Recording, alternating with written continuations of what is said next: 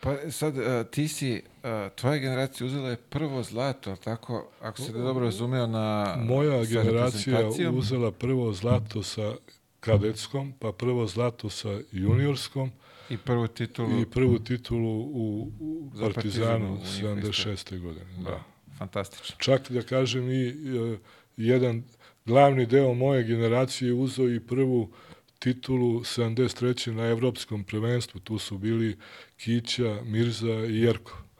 Oni su bili e, članovi e, e, seniorske reputacije u Badaloni 73. godine. Tako da je faktički od te, uslovno govoreći, kažem, moje generacije počelo zlatno doba uh, Jugoslovenske košarke. Da.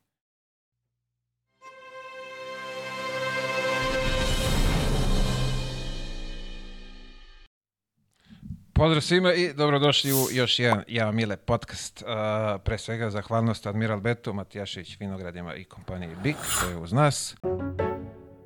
Novi Big Hybrid Flex savršeno brije. I da, oštrice mogu da mu se zamene. Molba da zapratite YouTube kanal, da budete u toku šta radimo, kako radimo i da vidite šta ima novo na našim kanalima. A, danas imam izuzetnu čast i zadovoljstvo da ugostim najnovijeg pisca na, na ovom podneblju i legendu košarkaškog kluba Partizan. Dragan Todorić je sa nama. Dobro, Došao. da. Dobro nam došao. Hvala, bolje vas našao. Kako je, reci mi ovako, kako je biti pisac danas? Mogu da ti kažem da je lakše biti igrač i, i rukovodilac nego pisac, ali ovo što ti kažeš, baš me sada ovih dana drugari zezaju i kažu ovaj, pod stare dane si se ovaj, prebacio u pis. Mislim da je, da je to ovaj, samo ovaj, kroz šalu i to, inače stvarno mi ne, ne pada na pamet više da, da se bavim ovaj, ovim stvarima. Mislim da je od mene sasvim dovoljno. Ovo Dosta, neće jes. biti nastavaka. Pa ja mislim da nema šanse. Pročitao sam, ovaj, što bi se reklo i Saša Danilović kad je rekao na promociji, čitljivo je, lako je štivo, ne treba mnogo vremena za jedno par sati može da se ovaj, pročita. Pitko je, koji iz ove naše sfere veoma Da. brzo to ovaj, ide, što bi se reklo. Pa,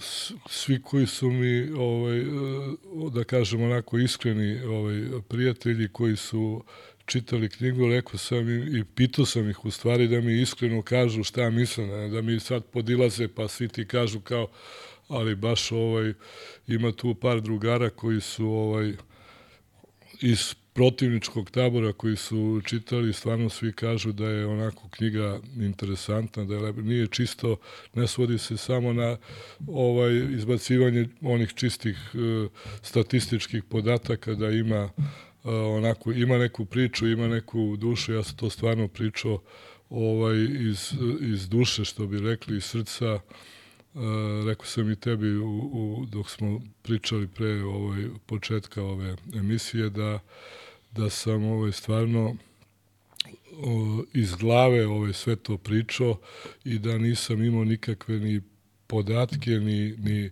niti sam se služio o, o, telefonima, googlovima i već ne znam ja šta, znači sve ono što, što mi je bilo u glavi, ja sam to ovaj, ispričao i, i stvarno mislim da je to jedna onako, što ti kažeš, pitka pričica onako da, da se e, lepo čita uveče i da se e, lepo zaspi, ako tako mogu da kažem. Za, za vašu stranu, ovaj, sa Partizanom, verovatno će biti uspavanka, za ove zvezdaše bit će neka noćna mora, ali, bože moj, tako je bilo, to je Pa istorija. dobro, mislim, bilo je tu i, i lepih i, i e, ružnih e, trenutaka. Rekao sam ti malo pre što se mene tiče, bilo je više, dosta više lepih nego tužnih, ali u stvari sport je takav da ne možda stalno neko pobeđuje, kao što je, i to sve ide, kako se kaže to, gore dole. Ja sam imao sreću možda, ne znam da sam to i u, u knjizi rekao kad sad pomenuo, partizanovci i zvezdaše, svi znamo da je Zvezda bila onih prvih deseta godina e, prvak e, tamo od 45. do 55. 6.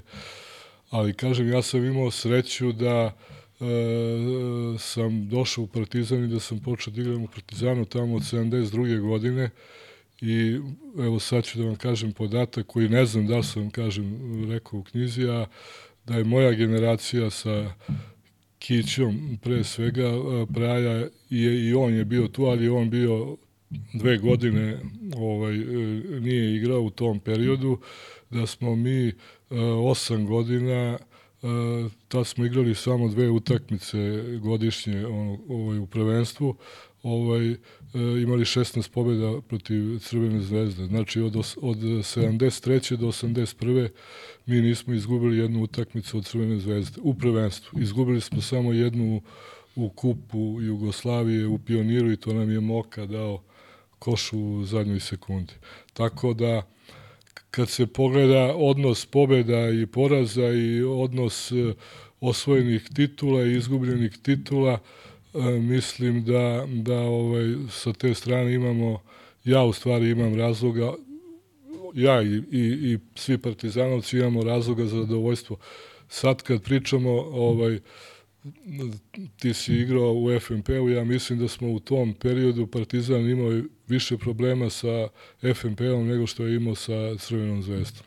Pa, ovako sad, ako se ja dobro sećam, dve titule koje smo osvojili, kup, u Vršcu Jeste, osvojili ste, osvojili, ne, osvojili ste, ne znam, za, vrš, za Vršac, e, ne znam, ali znam za Niš i za Kragujevac.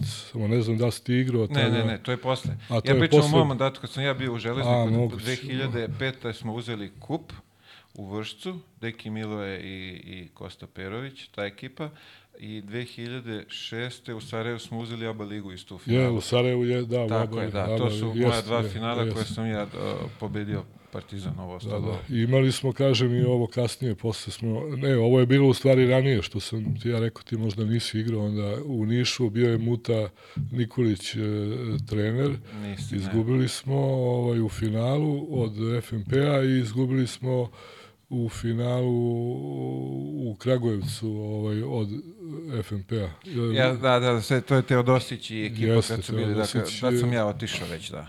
To je bilo da. 2000, Tako da kažem, više smo izgubili tih bitnih utakmica od FNP-a nego od Crvene zvezde. A zanimljiv podatak sad kad smo već kod toga, uh, FNP to što, što je osvajao i, i pre mene i posle mene, uh, sve na kup sistem u seriji nismo se proslavili nigde. Mi smo imali ono finale s Partizanom. Pa dobro, vi ste nas izbacili u, u, u polufinalu kad smo se vratili iz Barcelone sa Final Fora.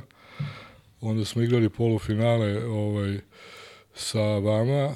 Ja sad opet kažem, to je znači bila uh, to je bila 98. 98. godina jeste i ovaj igrali smo odmah posle Barcelone, dva ili tri dana, igrali smo na FNP-u gore i ovaj, ladno smo izgubili tu utakmicu i onda tad se igralo po onom sistemu 1-2-2, o, 1-2 u stvari. Prva utakmica se igrala na terenu slabije plasirane ekipe da, i da, onda da, dve da, ako treba kod bolje plasirane i mi smo ovaj, igrali taj revanš u Pioniru i to je bila ona čuvena ono da će FNP da izađe na teren, da li hoće, da li neće, pa ste iz autobusa ovaj, To je bilo davno pre mene. Je, ja, pa ja, dobro, ne, ne ja vezujem sam... za tebe, nego kažem za FNP, kad kažem ja... Da, da, da, nisam, o, ja nemam ovaj, iz tog tako, perioda, ja sam tek od 2002. do 2006. bio, to je tih nekih četiri godine. Ali ti si za mene FNP-ovac. Ja tako te, je, dobro, ja sve to, kako ko ja vidi. Ja te tako ovaj, stavljam u, u, u, u kao igrača FNP-a. Pa dobro, tako, tako je bilo. Tako je bilo. I ovaj, kaže mi, tad ste nas izbacili ovaj, i onda stigli sa, onda je FNP igrao sa Zvezdom finale i dobila je Zvezda. To je bila prva zvezdina titula posle dugo godina. Bilo je, bilo je Partizan, pa je bio Budućnost, pa ponovo Partizan i onda je Zvezda bila te godine prvak. To je, tad sam još bio mali mali, mili, nisam, ovaj, nešto sam mnogo, nisam, daleko sam, to je 2090, znači 14 godina, da, tad sam ja... Pa Ovaj, dobro, tad si počeo da bio. treniraš, pretpostavljam. a, u tom periodu ja sam bio u Bosni, da. Bosna. da. A ne znam da znaš podatak, nisi verovatno obavešten, ni, ja sam karijeru počeo u Partizanu, Ko, ti? ja, da.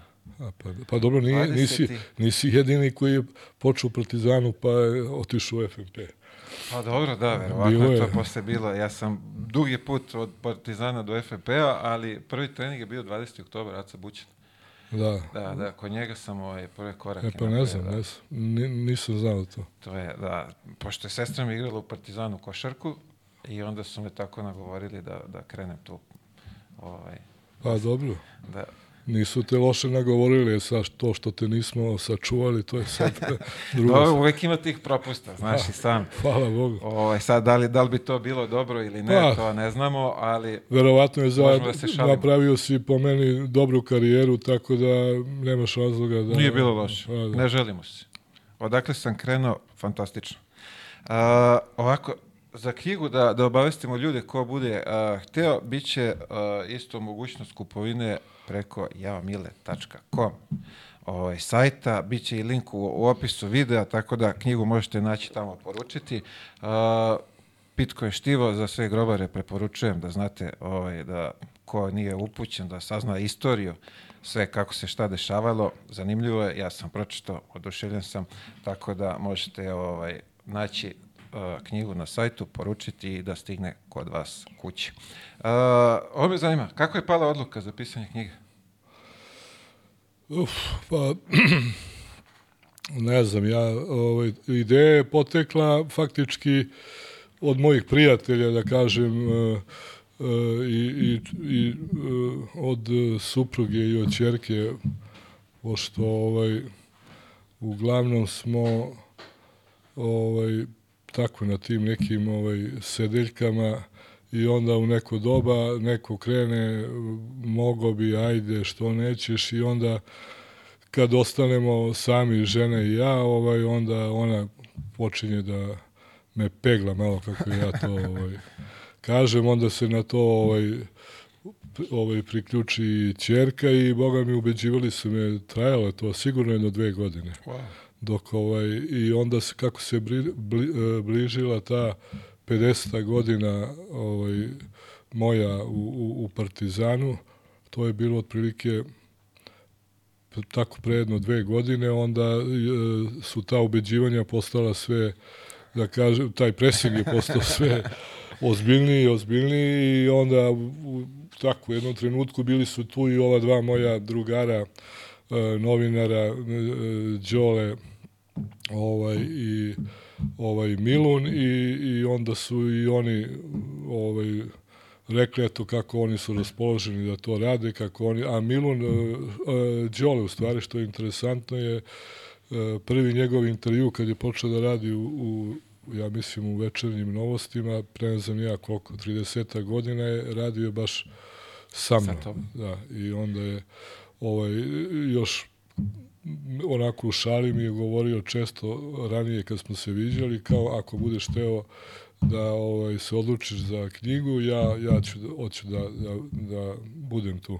I tako je, kažem, i njih dvoje, i tako otprilike to je tako trajalo jedno, ne znam ja, šest, sedam meseci, godinu dana, čak sigurno to intenzivno, ajde, ajde kad se god vidimo i, i ovaj, eto, i tako je došla ideja i, i onda smo kad sam ja, nisu oni, njih dvojica nisu verovali da, da, da ću ja da, kad sam im rekao da hoću, da ću da održim reč i onda kad sam prvi put im rekao da dođu gore na stadionu trofejnu salu kod nas, tu smo ovaj, faktički pričali vezano oko svih ovih stvari i onda kad su prvi put došli, kad su doneli ove magnetofone već šta je to za snimanje, ovaj kao eto kaže ajde kaže izaći stvarno da se Odluče. i on, jeste i onda smo tako krenuli mada se ta priča ovaj taj rad na tome se onako odužio jer o, opet sam ja još relativno bio aktivan i malo putovanja, malo tako da nismo to što bi se reklo ono dan za danom radili, ja mi da smo radili jedno, boga mi, sigurno jedno 4-5, možda, možda čak i pola godine da smo pričali i dok nismo završili.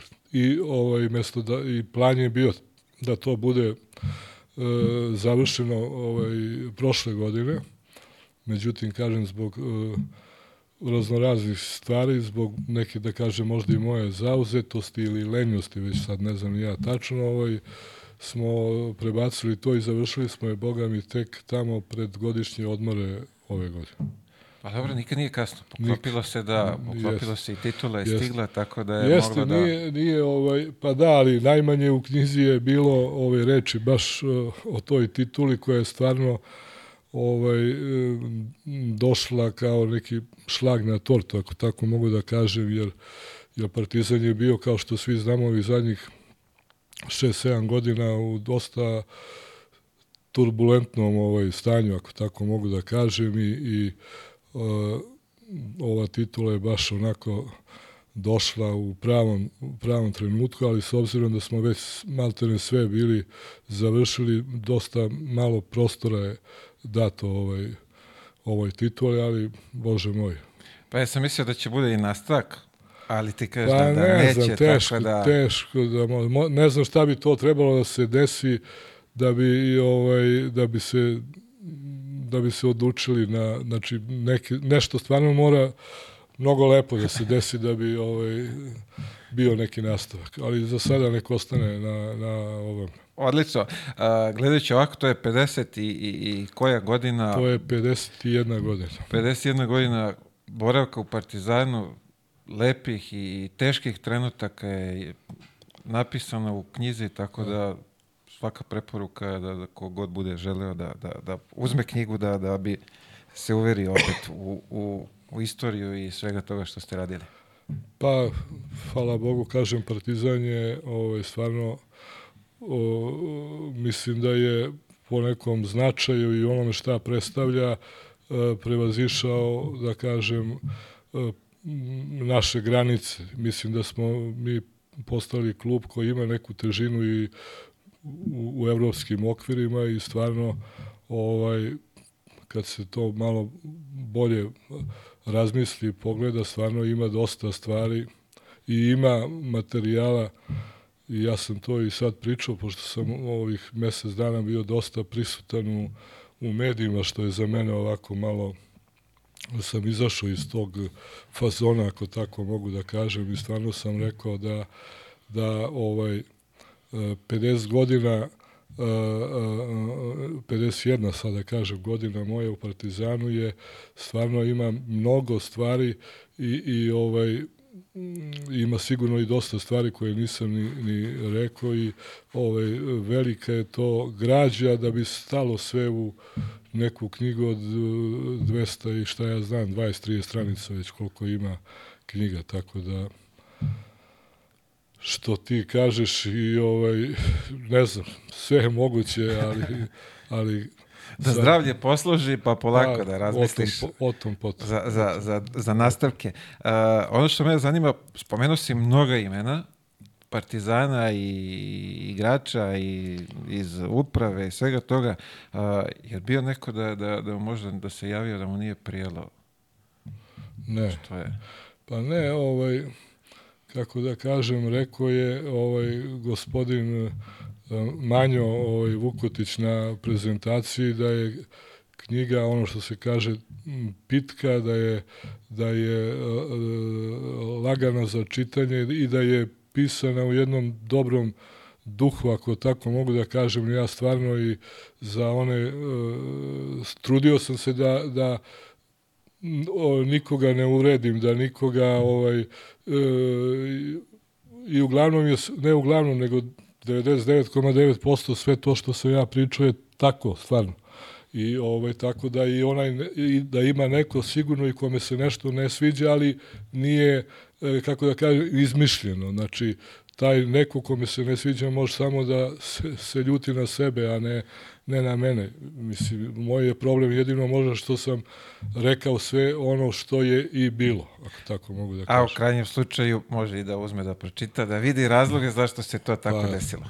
Ima Ne par... bi sad ja da pričam o tome da ispadne da ja sad reklamiram. ovo. Ne, ali čitajući, Ali ti mo- čitajući ti možeš da- da, da, da m- neki verovatno nisu ni svesti pozadine uh, tvojih odluka koje si morao da doneseš za dobrobit. Pa jeste, bio je tu jedan, e, kako da kažem, ja sam uvek e, e, voleo da budem timski igrač, ako tako mogu da kažem, i međutim bio i ovaj, uvek sam imao pored sebe, uvek, uglavnom sam imao ljude pored sebe koji su ovaj, e, kako da kažem, bili ovaj, e, nosioci e,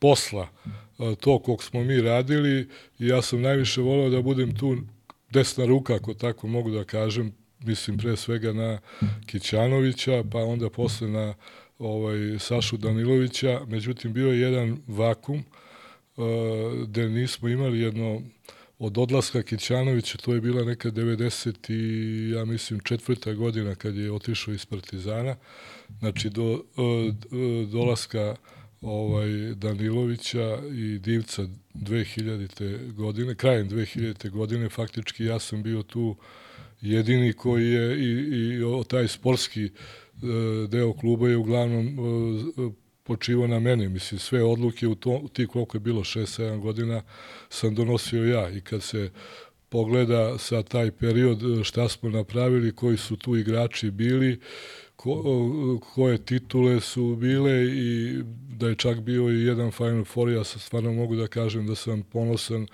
i prezadovoljan sa onim što sam ovaj, i, i što sam ja uradio u, u tom periodu. Tako da b- bilo je da kažem i, i nekih ovaj, loših stvari, bila je e, jedna bolna stvar, pomenuo sam je malo pre u priči vezano e, sa e, Final Fora kad smo došli iz Barcelone, da smo kao najveći favoriti ovaj ušli u play-off ovaj, naše lige ovdje, da smo izgubili od FNP, eto, to je bio jedan od e, većih neuspeha u tom periodu, ali kažem, opet sport je takav da ima i, i pobeda i poraz. Kažem, sreća je naša da smo ipak imali dosta više ovih lepših trenutaka. Apsolutno. Uh, nisi više pored terena, možda nam kažeš ovde sad ko bude ovaj, slušao i gledao tvoju ulogu trenutno u Partizanu. kao što o, oni koji prate Partizan otprilike pretpostavljam da znaju da sam ja od eh, tamo 2000 od kraja 2017. godine ovaj savjetnik eh, eh, predsednika Ostoje Mijailovića, savjetnik za sportska pitanja, ako tako mogu da kažem, i eto, to je moja uh, uloga. Uh, nisam pored terena, uh, zadnjih dve godine faktički redko i putujem sa ekipom na, na utakmice. Mislim da je, kako da kažem, dosta putovanja bilo i pravo da vam kažem, eto sad sam našao neki mir i, i, i, ovaj, i ova uloga, e, da kažem, pre svega navijača, ako tako mogu da se izrazim i baš onako u ovom periodu ovaj, odgovara. A, koliko ti teško u početku kad si napustio klupu i prešao u kancelariju, koliko ti je zapravo teško bilo? Pa jeste, moram da priznam da mi je teško bilo, jer ovaj, e, kako da kažem, ja sam tu već bio u, u toj ulozi, ta klupa mi je bila, mislim, malte ne kao druga kuća, ako tako mogu da kažem, i to je već bilo skoro 30 godina. I na, ovaj, najčudnije mi je bilo kad sam došao na prvu utakmicu kad se e, desio to, to je bilo, kažem, tamo e, krajem 2017. godine, kad je kad smo, ako tako mogu da kažem, smenjeni u paketu bili Muta, Nikolić i ja, i ovaj, Nenad Čanak je preuzeo ekipu i ja sam došao ne mogu sad tačno da se setim s, kim smo igrali ovde u Pioniru, ja sam došao ovaj, došao na, na utakmicu, došao sam, jer sam ja ranije uvek dolazio dva sata ovaj, pre početka utakmice, imao sam neki svoj ritual i tamo šta sam radio pre utakmice i ja sam sad tako krenuo od kuće ovaj, isto toliko uh, ranije kao i kad sam došao u Pionir, ja sam krenuo u slačionicu da ostavim jaknu i onda kad sam došao do slačionice, setim se da, o, da u stvari nemam ja tu više šta da, da tražim, ali ipak ušao sam u sločionicu, ostavio jaknu, poželeo sreću ovaj, Čanku i tamo ovim ljudima koji su bili s njim i izašao napolje. I kažem, stvarno taj početak je bio, ne mogu da, da, da sad kažem da bilo mi je ovaj, teško, trebalo mi je neko vreme da se, da se, da se naviknem, jeste, ali kažem, posle par utakmica već je to čovjek se navikne na sve tako da Absolutno. ovaj a ja nisam baš imao sad nekog još nekog posebnog razloga da budem ljut ili šta ja znam. Kad sam malo bolje razmislio, vidio sam u stvari kao što, i što sam rekao onaj dan na promociji bio si ti ovaj, čuo si da, da i stvarno tako mislim da se nije to desilo, da sam ostao, ja sam prigovarao mom prijatelju Milanu Iskrinu ovaj, e, što što ovaj, je to urađeno sa mnom tako, na, tako pa onda posle kad se setim da sam tako i ja radio ovaj, i saopštavao drugim ljudima, ovaj, onda uh, sam shvatio u stvari da su i oni ostaju da to što su radili, faktički uradili u mom interesu da bi me sačuvali, jer je tad bio, bila jedna grupa navijača, ako mogu da kažem, ceo taj moj problem je ispao zbog uh, Duleta koji je ovaj godinu dana pre toga napustio klub i mnogi su uh, uh, ljudi da kažem u njegovom okruženju ovaj taj njegov odlazak vezivali za za mene tako da to sam malo ja čini mi se i u, i u knjizi oko toga ovaj ovaj pisao i kažem čovjek mora da radi i lepe i ružne stvari ona ono što ja mislim to je da mislim da sve što sam uradio, uradio sam u interesu kluba. Je sad dalje to bilo dobro ili ne, to će neko drugi da, da, ovaj, da presudi, tako mogu da kažem. Spom, spominješ sad davanje otkaza, ti si dobio otkaz, a, a isto kaže da si ti bio taj koji je, koji je davao drugima ljude, ljudima otkaze što u klubu od igrača, trenera, kako god. Zanima me taj moment kad ti dolaziš da mu saopštiš da on više neće biti to, Ka kako se ti u tom momentu osjećaš? Pa ja ne osjećam se dobro, moram da priznam. Jer ja sam uglavnom sa svim ljudi, svi ljudi koji su kako da kažem, oni su bili moji saradnici, sa svima sam uh, bio ovaj ne u dobrim malte ne u, mislim da sam dosta uh, pisao o, o situaciji sa Vladom Jovanovićem, ovaj, ne, sad uzimam njega, njega za primjer, da ne imenujem sad tu još, bilo je faktički od e, neke 94. godine ovo što sam ovaj što sam e, rekao malo pre e, sve te ako tako mogu da kažem to su neprijatne situacije su ovaj sam ja bio taj koji je saopštavao i nisam se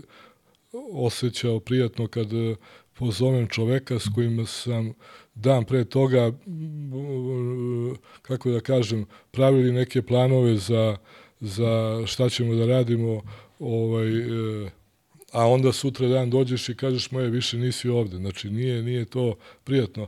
Neki su ovaj to imali razumevanja za to i da kažem i dan danas smo ovaj, u, u dobrim odnosima i, i pričamo i družimo se, a sa nekima i dan danas ovaj, e, nemam komunikaciju. Šta da se radi, to je cena faktički ovog posla, ako tako mogu da kažem.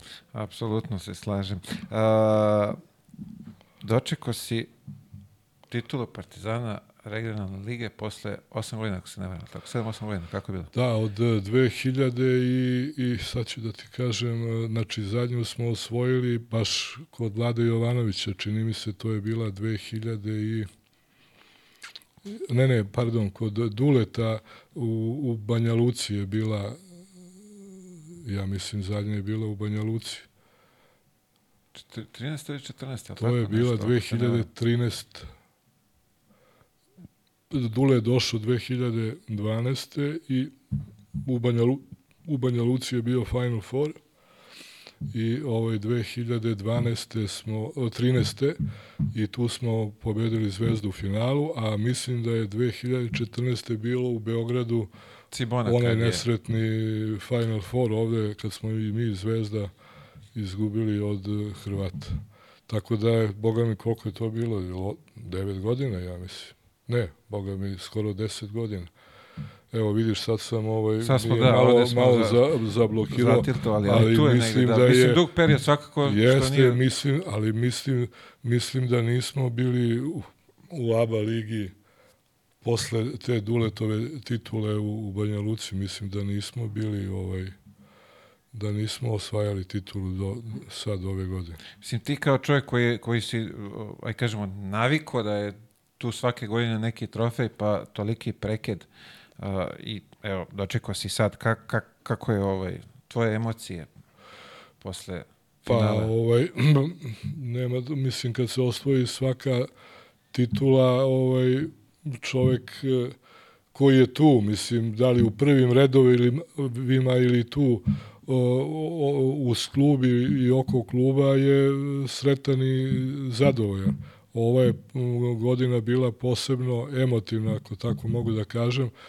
zbog toga što je ovaj Željko ovaj se vratio i što je uh, ovaj došao u, u Partizan i što je ovaj faktički posle godinu dana uspeo da, da, da nas da nam vrati, ako tako mogu da kažem, tu titulu, da je bilo malo i sreće, bio bi i taj Final Four, faktički, ali uh, što se kaže, ja sam lično i prezadovoljan što je, što je ova godina ovaj, završena, kažem, sa tom ABA titulom, a nadam se da će za vreme koje Željko bude proveo u Partizanu da će doći ovaj i, i, i taj Final Four.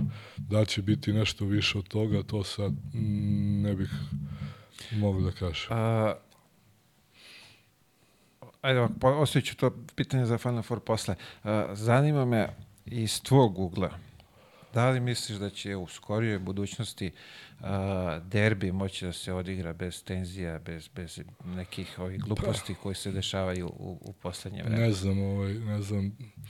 Uh, I to sam pitanje dotakao u knjizi, jer sam za, za moj, na moju sreću bio učesnik velikog broja derbija uh, E, kad se setim hale sportova, da je jedna strana e, hale bila crno-bela, druga bila crveno-bela, čak smo posle u Pionir ovaj, se preselili jedni i drugi i tu smo isto delili, mislim, kad kažem delili, mislim na navijače da su delili ovaj uh, halu na dva dela i mislim da da ovaj pravog derbija faktički e, i da će mm, ta lepota, ako mogu da kažem, da se oseti lepota navijanja, lepota e, košarke, lepota tek moći da se doživi u punom smislu kad ovaj tribine budu ispunjene jednim i drugim navijačima. E sad, da će to da se desi ili i kad će da se desi, ja stvarno ne mogu da, da tvrdim jer mislim da i, i podele u društvu su mnogo velike, a opet sad ta politička strana, ako tako mogu da kažem, nije moj, moj teren i ne bih e, teo da se upuštam sad u, u tu priču, ali mislim da kad se stanje u društvu bude malo sredilo i, i kad bude postalo, da kažem, koliko toliko ok, da će verovatno onda se steći neki uslovi da i ovaj da i tribine budu izda... mislim igramo sada jedni i drugi u areni mislim da je arena idealna da se tako nešto ovaj Ima prostora. jeste da se tako nešto ovaj napravi i desi. Nadam se da kažem eto ono što, jedino što mogu stvari da kažem da, to je da se nadam da će se to desiti vrlo brzo. A, takođe, ja sam za to i voleo bi da se to desi što, što je pre moguće.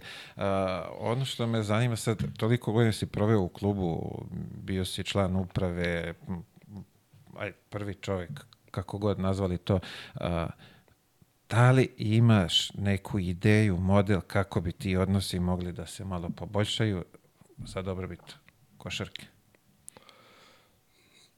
Pa, mislim, rekao sam, rekao sam u, u, u malo, malo pre, ovaj, kad sam odgovarao na ono prethodno pitanje, da mislim da tu ne može da se to pitanje ovaj, e, da se uđe u, u detaljan odgovor, a da se ne ulazi u, na polje politike. Tako da stvarno kažem, Mislim, Mislim žalostno je da- što sve zavisi pa, na, od politike žalostno, i... ne žalostno, ali to je tako. I jedni i drugi smo ovaj u, u, u kako da kažem ušli ovaj u to i kažem stvarno ne bih ne bih ovaj ne bih hteo da upadam u zamku i da i da se ovaj sada da pričam sada o tome jedino kažem što mogu da se nadam to je da će da da se ti odnosi s vremenom uh, ovaj uh, nivelišu i da će biti bolji nego što jesu. Uh, tu, tu je jedan uslov uh, sad u ovom trenutku ispunjen, a to je da i mi iz Zvezda igramo Euroligu. Tako da Misliš li da bi ja licenca smiliva, mislim da bi da, mislim da, da, da bi sigurno uh, dala doprinos u, u, da se što pre uh, reši ovo, ovo što si ti sad mene pitao, jer ovaj, mislim da bi ta tenzija na, na sportskom ovaj, na tom terenu da bi bila manja nego što je, što je sada. E, imali smo um, mislim sada opet ne bih žao da pričam, sad će neko da kaže on je partizanovac, pa ovaj, mi smo igrali sada, da ne pominjem onaj e, prethodni play-off od tamo 2022. godine, ali na primjer imamo ovaj play-off koji je bio sad, završio se letos, odnosno proletos, ako tako mogu da kažem. I ovaj, ono što je mene posebno radovalo, neću sada da pričam o, to je što je e, e, na sve tri utakmice na kojima je Partizan bio domaćin, da je bilo preko 20.000 ljudi u, u, u areni, da ne, ne, ne želim da i ne sporim da je bilo e, e, što se tiče publike naše vređanja nekih članova Crvene zvezde, ali to je to će verovatno biti i u budući i na jednoj i na drugoj strani, ali ono što je mene posebno radovalo to je što a, je publika bila takva da nije mislim da čak nije bacila ni jedan upaljač nije nije uleteo u teren da uh, u areni mi imamo četiri reda na terenu. Znači imamo oni počasni redovi, ako mogu da kažem, gde nema ograde, nema ništa Da, da, uz teren. uz teren, gde je gde su igrači i funkcioneri i treneri Crvene zvezde ovaj prolazili i pred početak utakmice, jer tamo sudije stoje na toj strani gde su normalno prolazili tu da pozdravljali sudijama, e, izlazili u poluvremenu na posle utakmice kad smo pobedili, kad su kad je gro navijača već ušao u teren, da nikom se ništa nije desilo u smislu da niko nije mislim i to je mene ono što, mene kao funkcionera da kažem Partizana raduje i to mi daje neku nadu da će se nešto u budućnosti ovaj e, e, popraviti.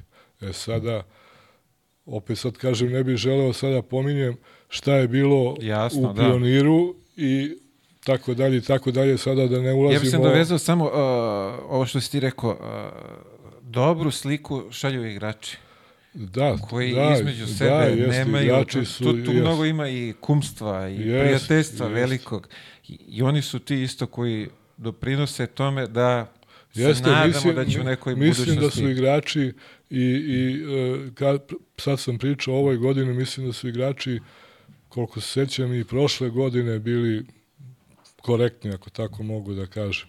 I da, Mislim, bilo je i, i ja mislim, Nedović, An- Andjušić, preko ovih socijalnih mreža, što su Da, podržavali da, jedne druge, da. tako da je to jedan dobar način kako polako, postepeno može, ja mislim, da se pa to ja vrati rekao u... sam malo pre da, da eto, to, je, to mi je neka nada da, da će se nešto lepo desiti na tom planu u budućnosti. Nadamo se, nadamo se, ostajemo, ove, što bi se reklo, da navijamo, treba navijati svako za svoj klub, podržavati svoje Normalno. ovaj, igrače, ne treba vređati ni protivnika, ni, ni svoje igrače, pošto ovde kod nas čim je malo loš rezultat, onda Da. opleteš i po svojima, tako da treba imati razumevanja.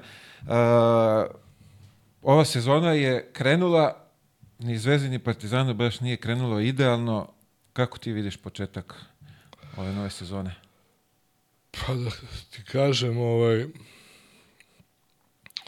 mi smo promenili, ne, ne, ne bi želeo da sad pričamo o, o Crvenoj zvezdi. E, mislim da, da mm, nisam ja kompetentan i da sad se ovaj, bavim analizom. Držat ćemo se vaše Da, strane, da. što bi se reklo. Ovaj, što se tiče Partizana, pa ja mislim da je više manje mi imamo jedan kiks po meni, to je kiks protiv Mege u, u ABA ligi i ovaj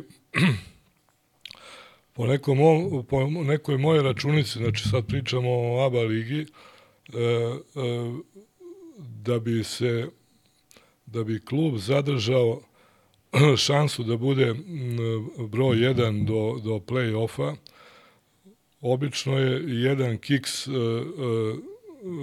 ne bi trebalo da se ima više od jednog kiksa. Mi smo, znači, taj jedan kiks e, Već po mom ispunili. mišljenju ispunili, ne bi smeli da kiksnemo e, u buduće, kad kažem k- e,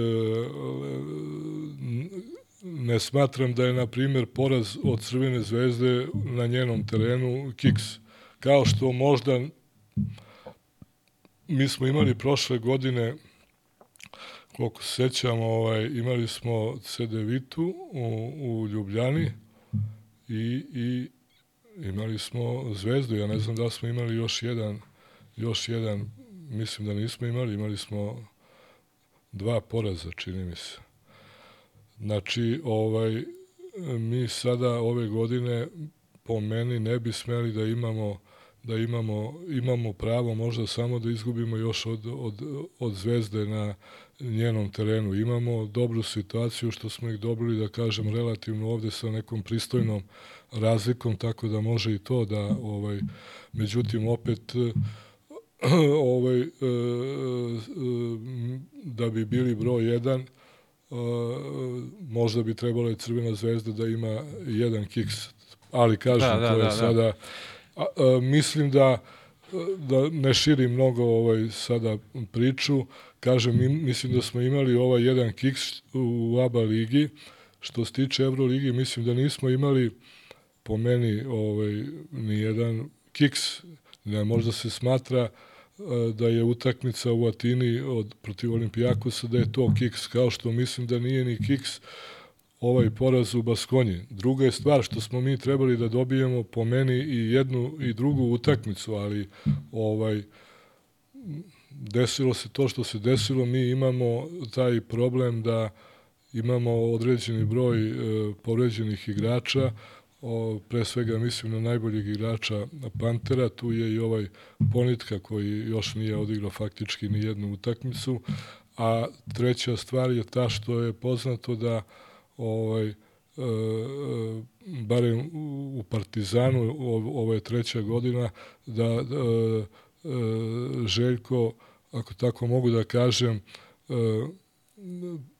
tim koji on trenira da tek tamo od nove godine počinje da igra Da, da. ovaj, na najvišem nivou, ako tako mogu da kažem. Tako da, da mislim da za sada je ovo ovaj, sve u, u granicama, ako tako mogu da kažem, znači da nis, nije po meni loša situacija. Malo je problem što sad opet imamo taj raspored koji je nezgodan, imamo sada Izgubili smo još jednu utakmicu, nisam rekao, protiv Barcelone ovde, ali to nikako ne može da, da bude kiks.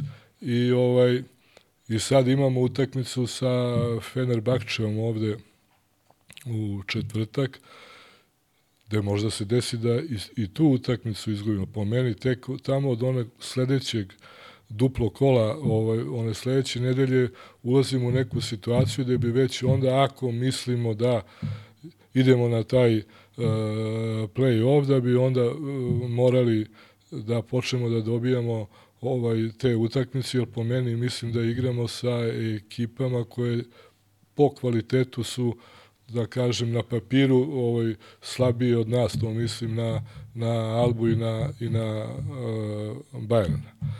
Tako da... Spomenuo si sad ovo što me zanima, to mi je onako veoma zanimljivo pitanje. Uh, poraz od Megi. Ti kažeš da je Kiks, složit ću se i ja po kvalitetu, Partizan je daleko ovaj, iznad Mege, ali ono što se meni sviđa je da uh, bi i te, da kažemo, malo slabije ekipe od Partizana i Zvezde za, za dobrobit košarke lige trebali da su mogućnosti da ih pobede. Da bi bilo zanimljivo. Meni je, meni je ipak onaj model španske lige gde Barsa ode na gostovanje u Menorku ili na Kanare, nije sigurno da će pobediti. I to daje neku draž te lige. Ovako, kad znamo da će Zvezda i Partizan do kraja sve pobediti, nekako nije mi to to. Ovako, ja bih volio da ima više tih utakmica, pa, da, da Partizan pa, i Zvezda gube od pa, tih nekih loših da ekipa. Ka, ja sam rekao malo pre ovaj, da je pitanje prvaka se rešava ne između prvaka do play-offa, mislim, da se rešava ne između Zvezde i Partizana direktno, nego između e, e, Zvezde i Partizana u, u sudarima sa ovim drugim klubovima. Setite se prošle godine da je Zvezda imala faktički nacrtanu poziciju broj 1, ali se desila Cibona Zvezdi. Tako je. I, I to i Zadar isto, je, mislim, da, i Zadar je bio. Jeste, ali, ali Zvezdi se desila uh, Cibona u istom kolu kad smo mi dan ranije trebali da izgubimo u Splitu. Ne znam da se sećaš Sećam toga se, i onda da. je naneli iz onog auta dao onu ludačku trojku, mi smo dobili i sutra dan se desilo to što se desilo da je Zvezda izgubila Cibone koja je bila među slabijim timovima u ligi. Tako da ti uslovno govoreći slabiji timovi će da odrede po meni ovaj uh, prvaka u, u, u, u do, do, jeste do play-offa. Uh, ja kažem, mi smo imali uh, ako sećaš pre dve godine isto relativno dobru situaciju u ligi i desilo se, desilo se opet Mega u Pioniru, da je Mega igrala bez četiri igrača iz postave koji su imali e, koronu. Ne znam da se sećaš te ne, situacije. Ne, ne, ne sećam se, da. Pa, e, e, sećam se ja vrlo dobro i izgubili smo u pioniru i sa, to, sa tim porazom mi smo faktički dali Zvezdi poziciju broj 1, u, jer opet u našim uslovima ovde nije beznačajno ko je prvak do play-off. Mislim Ipak da je, domaći teren je jeste, velika prednost. U našim uslovima, ovo što spomenuo Španiju, ne možemo mi sad da se pomeni barem, ne može da se poredimo naša liga, ova ABA liga sa Špans. Španska liga je najjača liga u Evropi i nije slučajno tamo što ovaj se dešava da Barcelona i Real gube još kad ideš na ona Kanarska ostrva ili ne znam ja šta, ovaj, gde se putuje po ne znam ja koliko sati, a igraš u petak uh, Euroligu, a igraš u nedelju u pola jedan, oni Tako imaju je. onaj termin. I u Španiji se nije se ne dešavaju od, odlaganja uh, uh, kola kao što se dešava kod nas. Jer kod nas se ovde e, završene e, prošle godine, odnosno, da, prošle godine, mislim na sezonu, ovaj, završila se liga, a ovaj, i mi Zvezda smo igrali neke utakmice po završetku regularnog dela. Čak i Gokeja, mislim, imala neku odloženu s Mornarom. Nije, a i Gokeja nije toliko bila bitna, ali je bilo bitno da je Crvena zvezda utakmicu a, a, sa Olimpijom, odnosno sa Devitom, iz drugog kola domaćeg o, o, regularnog bravo, prvenstva, bravo, bravo. iz drugog kola koju je trebala da igra u o, Pioniru, čini mi se, ili u Ljubljani, ne znam, igrala je, na primer, kad se već prvenstvo bilo završilo, kad se, do duše, u, u ovim uslovima, pošto je već bilo rešeno ko će biti broj jedan, ta utakmica nije ovaj, imala, značaj, imala da. značaj, ali je mogla da ima značaja da Absolutno. Zvezda nije e, kiksnula u Zagrebu, na primjer, da, da, protiv da, da, da. I tako dalje, i tako dalje. Se ima ti da, nekih detalja koje malo treba posložiti da, da pa, to izgleda ozbiljnije? Prvo, da, ovaj, ipak e, e, mislim da termini, oni koji se naprave, mora se poštuju da bi Liga bila ozbiljna, ako tako mogu da kažem. Ne može se desi da pomislim i na, i, na, i na nas. I mi smo odložili jednu, čini mi se, utakmicu, da li budućnost u, u Podgorici prošle godine, da su, nismo je mi do duše odložili, da su trebali da budu izbori u, u Crnoj Gori taj dan, pa je utakmica odložena za, za kasnije. Ali kažem, uh, uh, uh, ako pričamo o Španiji, onda mora se ugledamo na špansku ligu i na način kako ta liga funkcioniše, kako se ta liga igra i tako dalje i tako dalje. Ne znam, ja ne znam da li je jedna utakmica u Španiji bila ovaj odložena zbog ne znam, ne, ne znam, ti možda sećaš, ja se ne sećam. Ne sećam se ni ja, ali kažem opet, ja, ima tih nekih stvari koje treba uzeti od drugih, primeniti ovde, jer očigledno da funkcioniše, da ima smisla da bi Liga bila ozbiljna i da bi dobila na, na, na nekom... Ne bih želeo da pričamo da ne pričamo sada o KLS-u, mislim što je to tek poseban cirkus, ako tako mogu da kažem i da slušam sada ovde raznorazne koji kaže treba da se vratimo i da igramo KLS. Mislim, KLS je izgubio na značaju. Pa, odavno. Nikakvog Ovo značaja nema i kad pogledaš i ko, mislim, kako se ta liga vodi i tako da, da ne ulazimo sada u... Da, nećemo, u, nećemo tamo. Jeste, u... Imam jedno ovde pitanje za tebe, da vidim ti kao partizanovac, A ja kao zvezdaš, uh, da li bi ti vole ove sezone da vidiš i Partizan i Zvezdu na Final Four? Što da ne? To bi bilo to bi bila velika stvar, mislim, za, za, i za Partizan, i za Crvenu zvezdu, i za naš grad, i za našu zemlju, kako god, to bi bilo fenomenalno kad bi moglo da se desi. I što se mene tiče, navijam i sve snage da se to desi. I ako možemo da igramo i mi Zvezda i finale, To je bilo i da, to bi bilo baš... I, ne ovaj, možemo da budemo sad, mi Zvezda prvaci, ali nek bude Partizan prvaka, Zvezda nek to bude... To bi bio ovaj, onako idealan... Kako ne, to bi bila velika stvar. Režija. Kažem za početak, navijam i sve snage da mi i Zvezda dobijemo na licencu. E da, to je onako jedna veoma bitna stavka gde bi se, da. ja sam, slažem se s tobom da bi to donekle spustilo tenzije me, među Mislim ekipama. da bi to bio dobar preduslov za onda nastavak ove priče koju smo mi malo načeli danas ovde. Apsolutno. S obzirom, uh, ja gledam ovako sad na, na sredstva koje su uložili Partizan i Zvezda ove godine, uh, svi mi priželjkujemo te neke, ovaj, od, ja lično kako doživljavam, uspeh klubske košarke ovde kod nas od 92. od vaše mi nemamo nemamo nikakvih osvojenih trofeja. Ne. Ispravim ako grešim. Ne. Nemamo, mi Ako imali pričamo smo, o klubskim uspesima. Da, imali smo, imali smo ovaj, pa uglavnom klubski u, u, uspesi, opet sad da ne budem uh, da me pogrešno ne shvate ovi drugi, ovaj, jedino ko je beležio nešto, imala je zvezda u vreme Ducija Simonovića, Kaponje i Moke, jedan, čini mi se, kup onaj sajanskih gradova, kako se zvao, nemam pojma. I ovaj, o, sve se ovo drugo svelo na Partizana, kup Koraća, e, ta 3-4 trofeja koje smo mi osvojili i na ovaj kup šampiona. I na ovaj, opet za mene i velika stvar i veliki uspeh kad ode, ako kad se ode i na Final Four, to je isto... Da, ali kažemo da je neko ali, osvojio nešto... Ali niko nije osvajao uh, ništa, koliko ima, 30-40 godina, sem Partizana. Bilo je polufinale, bilo je i finale, smo imali finale. Zvezda je igla neko finale, ja mislim, uh, sa onim, uh, da li Talija, onaj, kako se zvao onaj kup, da li je to bio isto kup Radivoja Koraća ili tako nešto, ne znam kako se... Ne, što je, ne, da, ne, ne mogu se, setim ja toga, ovo što ja pamtim ovamo, FNP mi smo dogurali, ja mislim, do polufinala, dva A nema, puta. samo je Partizan osvajao, to što je da, osvajao. I ni, koliko god se mi ponosili reprezentacijom, klubski smo mi daleko od tog nekog nivoa u, u, uspeha, a ja gledam, mnogo ulažemo,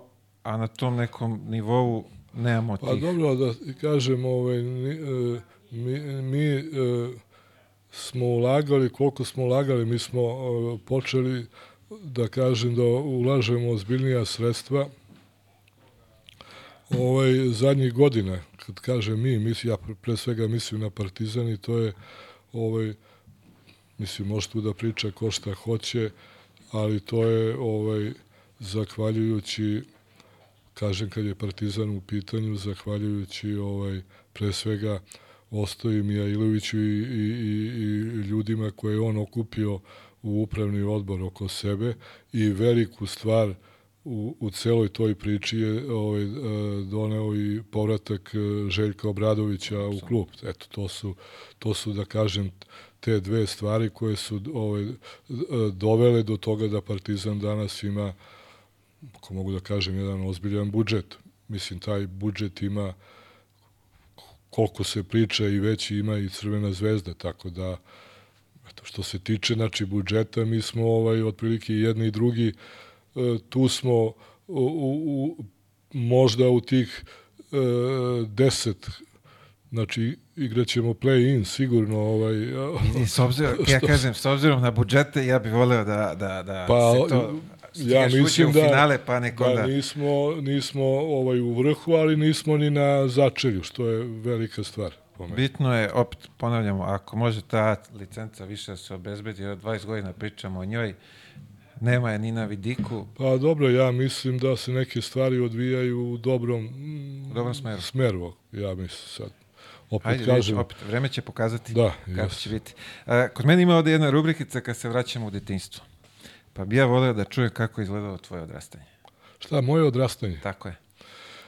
Pa ja mislim da ne samo moje, nego cela ova moja generacija, da smo mi imali jedno sretno detinstvo, ako tako mogu da kažem. I ja gledam po, sad ako pore, i gledam malo, pošto ovaj, dosta sam napolje, ako tako mogu da kažem, dosta šetam uh, i, ovaj, i gledam ovu današnju decu i, i onda se tako neki put setim ovaj, nekog mog detinstva koje je stvarno, mislim, bilo fenomenalno. Ja sam po ceo dan provodio na polju, čak i u školu kad sam išao, išao sam u stvari, ne, ne da nisam išao, ali samo i u školi, malo, malo pa smo išli tamo u dvorište i uglavnom sam, ovaj, detinstvo mi je prošlo u, u igranju.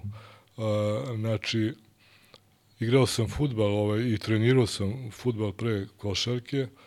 A, sećam se dok nismo, dok nisam malo porastao, kad kažem malo porastao, mislim dok nisam krenuo da treniram futbal, da smo tamo u ulici kod mene u Kraljevu, da smo leti imali neke motke i imali smo konzervu od sardine i onda smo tu kao sa E, tom konzervom, kao igrali smo kao neki onaj hokej, pošto ovaj je kao nije bilo snega, nego smo trčali i dodavali sa onim motkama onu konzervu i tako izigravali kao neke o, hokejaše, ako tako mogu da kažem. Onda sam dosta dobro, evo sad mi pade na pamet, ovaj, vozio sam rošve i ovaj, imali smo čak i takmičenja, ono, trkali smo se i bio sam tu među boljim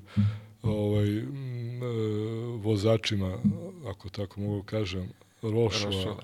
u mojoj generaciji i onda e, tamo negde sa 12-13 godina je krenula lopta, ova prava, ako tako mogu da kažem i krenuo sam ovaj, u osnovnoj školi sam bio zajedno u odelenju sa Acom Trifunovićem, futbalerom, ne znam sad da ga se ti sećaš ili ne, on je bio ovaj reprezentativac Jugoslavije i bio je jedan od boljih igrača Partizana u generaciji kad je Ante Mladenić bio trener i onda sam krenuo sa njim da treniramo fudbal i svaki dan smo ovaj igrali fudbal, e onda je tamo sa 14 godina krenuo basket u osnovnoj školi. Kako je usledio taj prelazak? Kako, Pa ja Mislim, sam igrao i jedno neki- i drugo, ja sam bio onako talentovan za, za loptu, ako tako mogu da kažem. Jer ovaj, u školi smo igrali basket, jer smo imali, e, jedina škola moja u to vreme u Kraljevu je imala salu.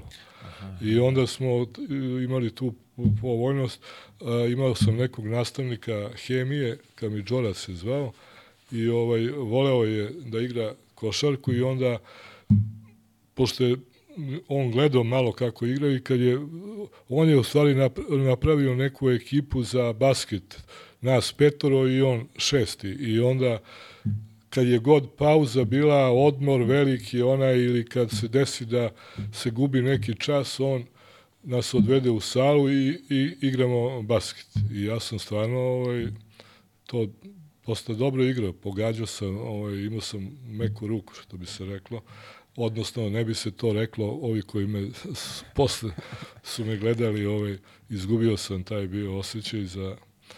I, ovaj, i u jednom trenutku on je rekao, ovaj, ajde da treniraš košarku, ja rekao, u, u slogi tamo iz Kraljeva, ja rekao, ma neću treniram košarku, ja treniram futbol. Ma kakvi futbol treniraš košarku, ja neću i on kaže, znaš šta, ako nećeš da ovaj, treniraš e, košarku, imaćeš, daću ti keca iz hemije.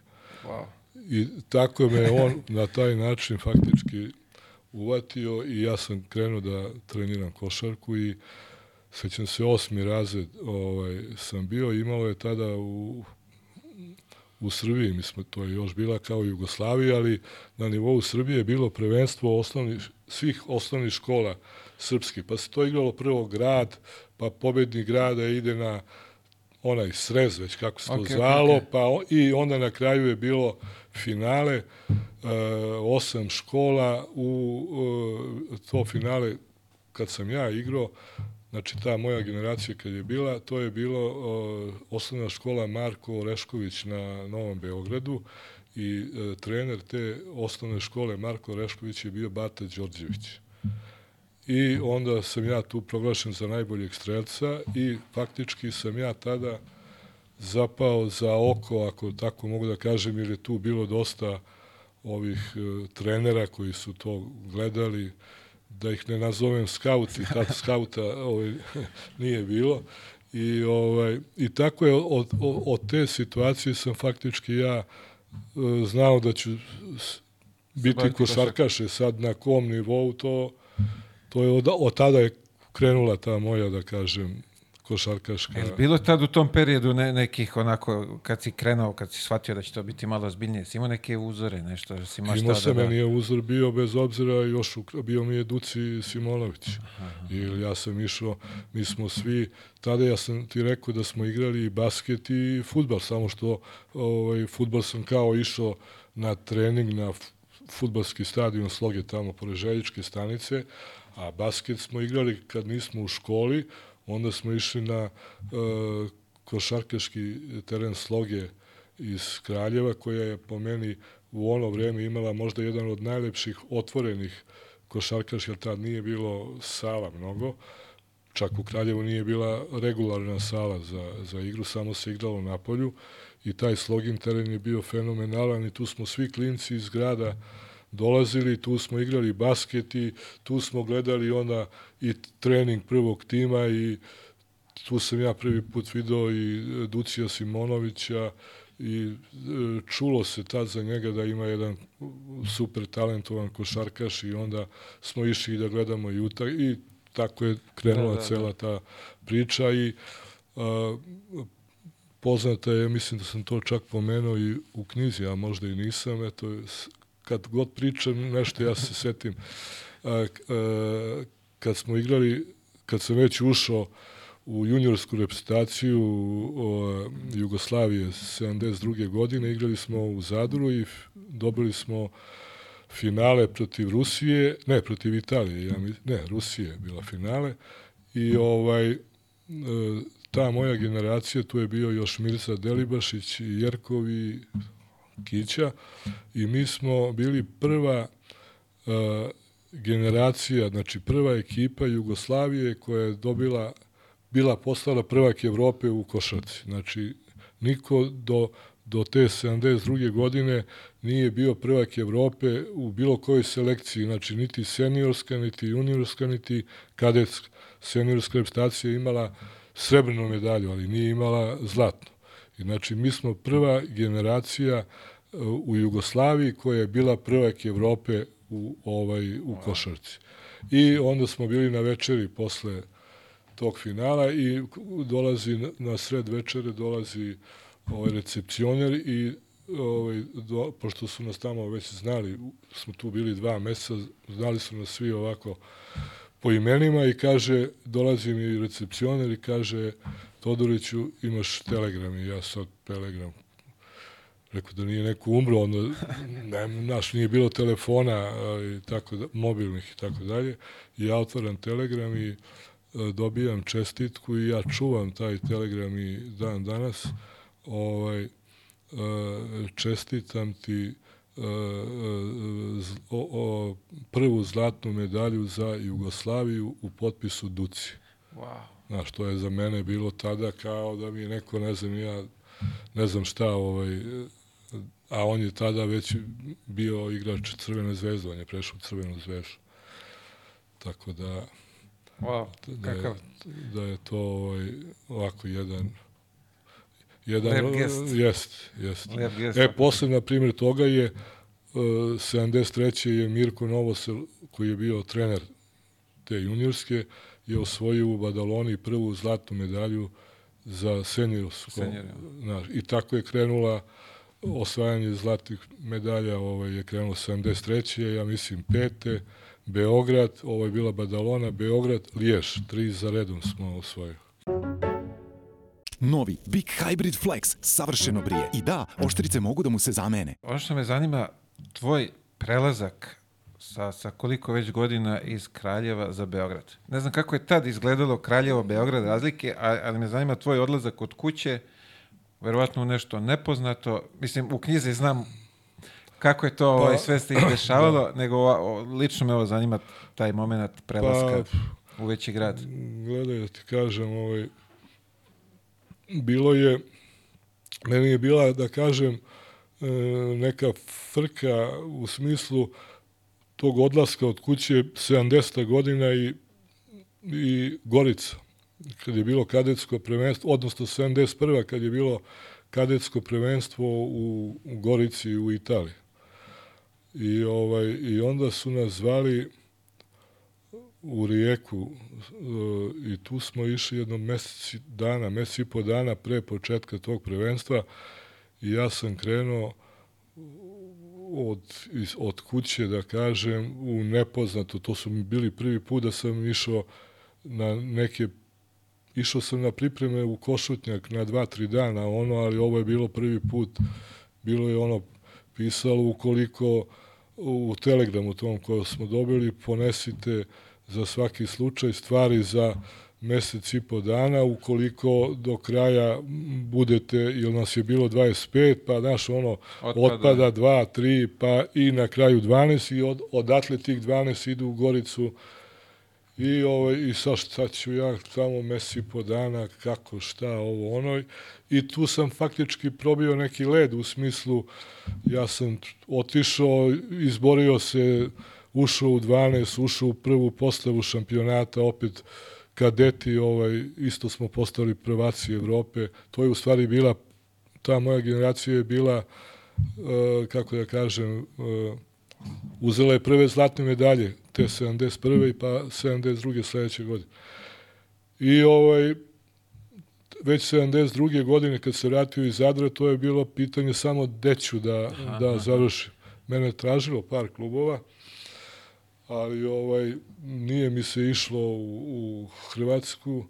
Ne, tad ja nisam, nis, nismo mi tad bili politički ono, nego mnogo mi je daleko to bilo od kuće da idem u Zagreb. Mene Cibona zvala, pošto je Mirko Novosel bio u Ciboni, a on mi je bio trener i u kadetskoj i u ovoj juniorskoj reprezentaciji. E, zvao me je OKK Beograd, pokojni Rajče, ovaj, koji je, Rajačić, koji je bio pomoćni trener Mirku Novoselu, ali ne znam, nekako mi OKK Beograd nije mi nešto zvao. Me je borac i Čačka, čak sam i išao ovaj, na neki razgovor s njima u Čačak, ali opet to mi nekako bilo blizu, to mi kao da sam kao da sam tu, a znao sam da Kićanović ide iz e, željezničara u, u, ovaj, ča, u borac, prelazi i onda mi je nekako ovaj,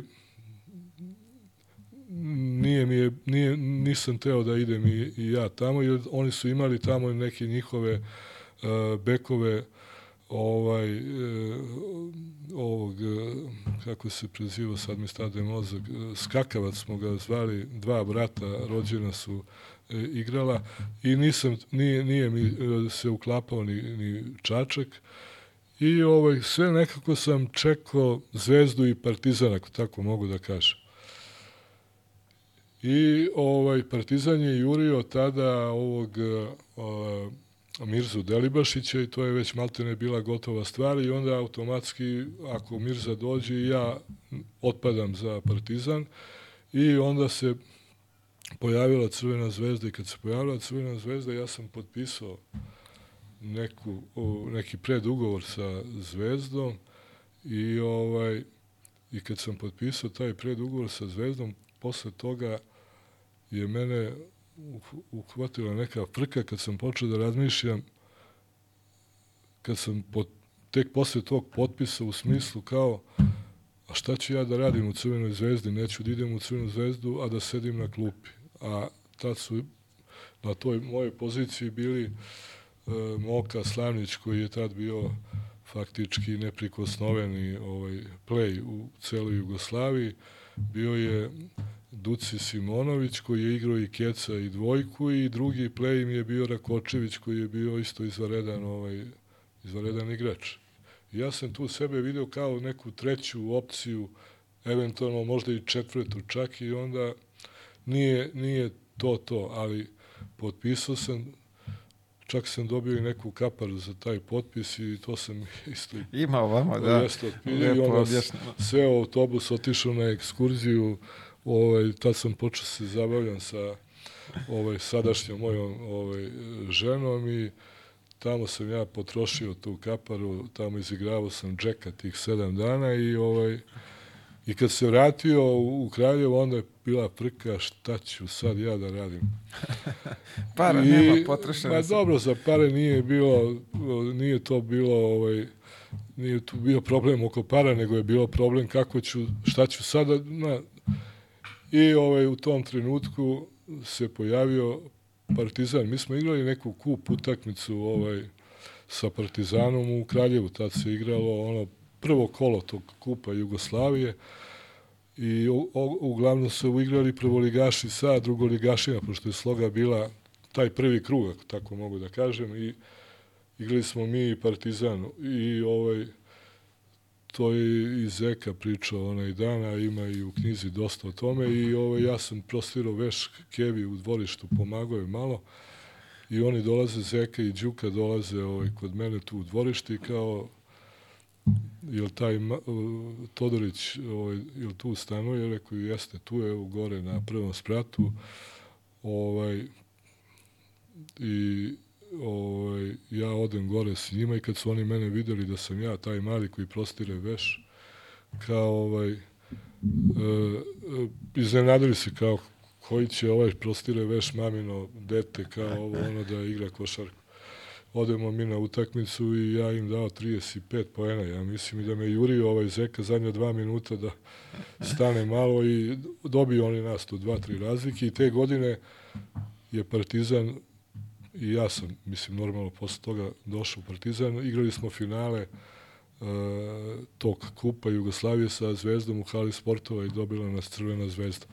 Ali da završim priču oko ovoga, ovaj, znači, kad se pojavio Partizan, ja sam u sebi nisam imao nikakvu dilemu da, da idem u Partizan, jer sam procenio da je to sredina za mene, pravi se nov klub, Partizan je tada igrao ovaj, uh, ušao je faktički iz druge lige koja se igrala uh, leti ovaj ušao je u prvu ligu mlad tim Ranko Žeravica znači sve to bilo ono za mene ono taman idealno, idealno jeste. I, i samo sam, nisam znao kako će oni da reaguju kad im kažem da sam potpisao za Zvezdu. I uglavnom oni posle te utakmice koju smo igrali oni su se vratili u Beograd i posle četiri dana uh, uveče, negde u pola 12, meni neko zvoni na, na vrata, ovaj, mama otvara vrata i dolaze, uh, došao je ovaj uh, Đorđe Čolović, uh, Miško Bojović i još jedan čovjek, ne mogu sad setim kako se zvao, i oni su uglavnom, da skratim priču, za 10 minuta oni su mene, hoćeš da, došli smo po tebe, jel hoćeš, hoću, ajde, krećemo. I odma, odma, ja sam uzeo jednu torbu, stavio par stvari, Ćale u čudu me gleda, Ćale inače ogroman zvezdaš, mislim, bio, i kad sam izlazio iz kuće, on kaže, nemoj više mi dolaziš u kuću, malte ne. I ja, zanimljivo smo... da ti si iznao podatak da sa, sa Nisam Ćaletom pričao, a, a, sad ću ti kažem, nisam pričao negde tamo od, od ta, to je bio septembar, to je bio kraj, da, početak septembra, znači nisam pričao tamo negde do januara meseca. Igrali smo u Čačku sa borcem i onda sam i Čačka došao kući i tad smo se to veče ovaj, pomirili. I uglavnom ja sam sve u kola, nisam razmišljao i došao sam u Beograd, rekao sam im da sam potpisao za zvezdu, oni su rekli dobro, mi ćemo to da sredimo. Tad je Partizan imao, da kažem, pa dobro, i Zvezda i Partizan su uvek, Zvezda je bio glas da je bila kako se kaže, ono, klub udbe ili već ono policija, partizan, e, vojska. Mada je u to vreme e, predsednik partizana je bio e, Slavko Zečević Zekin Ćale koji je bio ovaj e, ministar unutrašnjih poslova e, u onoj Jugoslaviji, ako tako mogu da kažem. Tako da, ovaj, Oni su tu završili te papire, posle 7 dana bio sam kod Zeke zatvoren u... u Tako je, bio si i kindopovan. Jeste, u stanu Sve su radili da te... Jeste, i kad se to završilo, e, bilo je posle ovaj problem ovih igrača su svi znali da sam zvezdaš kako sada da da me ono prebaci da počnem da navijam za Partizan, međutim nije to baš tako jednostavno bilo i to po meni nije moglo, ne može to da se gumicom... Pa da, to je trajalo jednu godinu dana i opet je tu uh, bitnu ulogu odigrao Aca Trifunović, jer smo gledali derbi na Marakani ovaj, Partizan Zvezda i Partizan je dobio 2-0, a prvi go je dao Aca Trifunović i kad je Aca Trifunović dao go za Partizan, ja sam skočio, ono, bravo, i onda su ovi rekli, evo ga, evo naš. ga, naš je vratio. A pre toga je bilo šamaranje od, od igrača u, u Dragiše Mišović, kad smo bili na nekom specijalističkom pregledu, pa su me, ovaj, e, igrala se utakmica na Marakani, Zvezda igrala s nekima, ja malo, malo, pošto je to odmah ovaj, blizu bilo da čujem navijače, huk, onaj da su I pa su me ovaj, tu istamburali malo i tako je to sve. To. Ali to je ozbiljno dobar scouting u, u tom momentu da tebe ovaj, prevedu iz Zvezde u Partizan i da im ti donese sve ovo što si ih doneo u narednih 50 pa, godina. Dobro, to sad oni... Ja, uh, ovaj, ne znam, ja sam to i rekao, ta moja igračka karijera, mislim, ne moja, nego moja generacija, ja sam imao dva najbolje igrača na svetu pored sebe, to su bili Kića i Praja. I mislim da imali smo i, i, i da sad ne imenujem sve, ali otprilike ovaj, imali smo mi ovaj, odličnu ekipu. Kažem, ne računajući, ni, ni, to su dva igrača koji su bili najbolje na svetu, ne računajući NBA. Znači, nije bilo boljih igrača na svetu od njih dvojice koji igraju u jednom timu, ali mi sa njima dvojicom nismo, osvojili smo samo jedan trofej i to kup Radivoja Koraća, ni jedno prvenstvo. Mislim, šta hoću da kažem, da smo kao uh, generacija uh, malo uh, trofeja smo uzeli. Po meni mi smo morali da uzme minimum jedno šest titula državnog prvaka, mi smo uzeli samo tri. Od te tri, kažem, ni jedan nismo uzeli, jedan smo uzeli samo sa prajom. Tako da kao igrač e, e, mislim da smo mogli više, ali što se tiče ovog drugog dela, što si ti rekao, mislim da, da, je, da je po meni mnogo beričetniji bio ovaj po pitanju trofeja ovaj ovaj drugi ovaj funkcionerski do duše i, i duže traje znači ovo je trajalo 11 godina a ovo traje već koliko? 40 godina Spominješ Kiću i pravi, Praju, uh, je bi mogu sad da nam dočaraš, ok, rekao si sad, bili su najbolji u to vreme, uh, kako je bilo igrati pored njih? Pa ja sam imao tu, da kažem, ne, da kažem, sreću, nego s jedne strane neko ko je tu igrao sa njima je, kako da kažem, bio predodređena sporednu ulogu, ne možda budeš u, u glavnoj ulozi. E sad ono što, što je mene možda i okvalifiku, kvalifikovalo za ovo kasnije, ovaj period o kome smo ovaj pričali malo, je taj što sam ja uspeo i kod njih dvoje da se, da se nametnem u smislu da me, ako tako mogu da kažem, ovaj, ispoštuju, da me, da me ovaj e, e, uvažavaju i da, da ovaj se osjećam sa njima ravnopravan u smislu drugi nisu ovaj uspeli da nađu da pronađu takvu da imaju takvu ulogu kao što sam imao. Ja sam bio jedini koji je i sa jednim i sa drugim ovaj, e, bio u odličnim odnosima i koji, ja sam jedini bio koji je ovaj, sa njima ravnopravno razgovarao, ako tako mogu da kažem. I pošto ovi ljudi iz uprave i tada nisu ovaj, bili su podeljeni na e, kićan, e, na kićine i na prajine.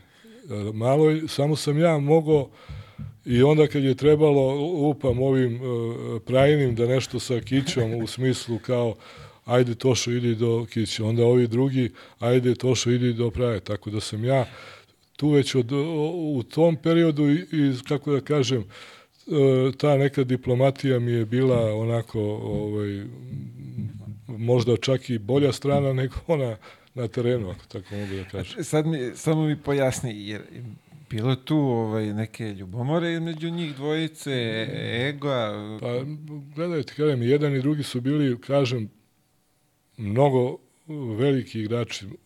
Bili su, kako kažem, jake lično, držali su i tu je u stvari opet sad ne, žel, ne, ne izbegavam da to pričam ili je to čovek koji je i tre, o, Ranko koji je mislim bio veliki trener koji je bio kako da kažem, u to vreme pojam, ovaj, on je, on je faktički tu napravio grešku što je uh, se uh, priklonio jednom aha, aha, mislim, na, da mis, mislim na Praju, jer je on doveo Praju i Praja je bio, da kažem, njegov produkt i on ga je e, doveo iz Mostara, napravio njega to što je a Kić je došao Partizan kao najbolji strelac one Jugoslovenske lige i tu je po meni Ranko napravio grešku što nije mogao ili znao ili hteo, to sad ne znam da, iz, da njih dvojicu, kako da kažem,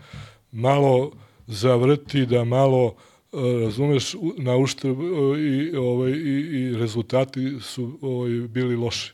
Znači, on je čak ušao toliko u, u, u obračun sa Kićom da je teo da ga otera iz Partizana Međutim, rečeno mu je onda, to mu je Siski rekao, ovo, ako nekog budemo terali, terali oteraćemo tebe, a ne e, Kiću. I tu je faktički Ranko, kako da kažem, završio ovaj, i on je sledeće godine otišao, kad se završila ta sezona, otišao iz Partizana i onda je došao Reba i sa Rebom smo uzeli tu prvu titulu 76. godine.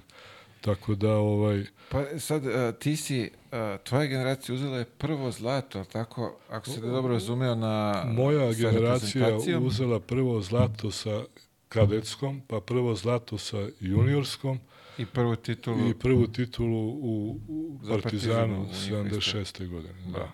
Fantastično. Čak da kažem i uh, jedan glavni deo moje generacije uzeo i prvu titulu 73. na evropskom prvenstvu. Tu su bili Kića, Mirza i Jerko. Mhm, -huh, Oni su mhm. bili uh, članovi uh, seniorske reputacije u Badaloni 73. godine.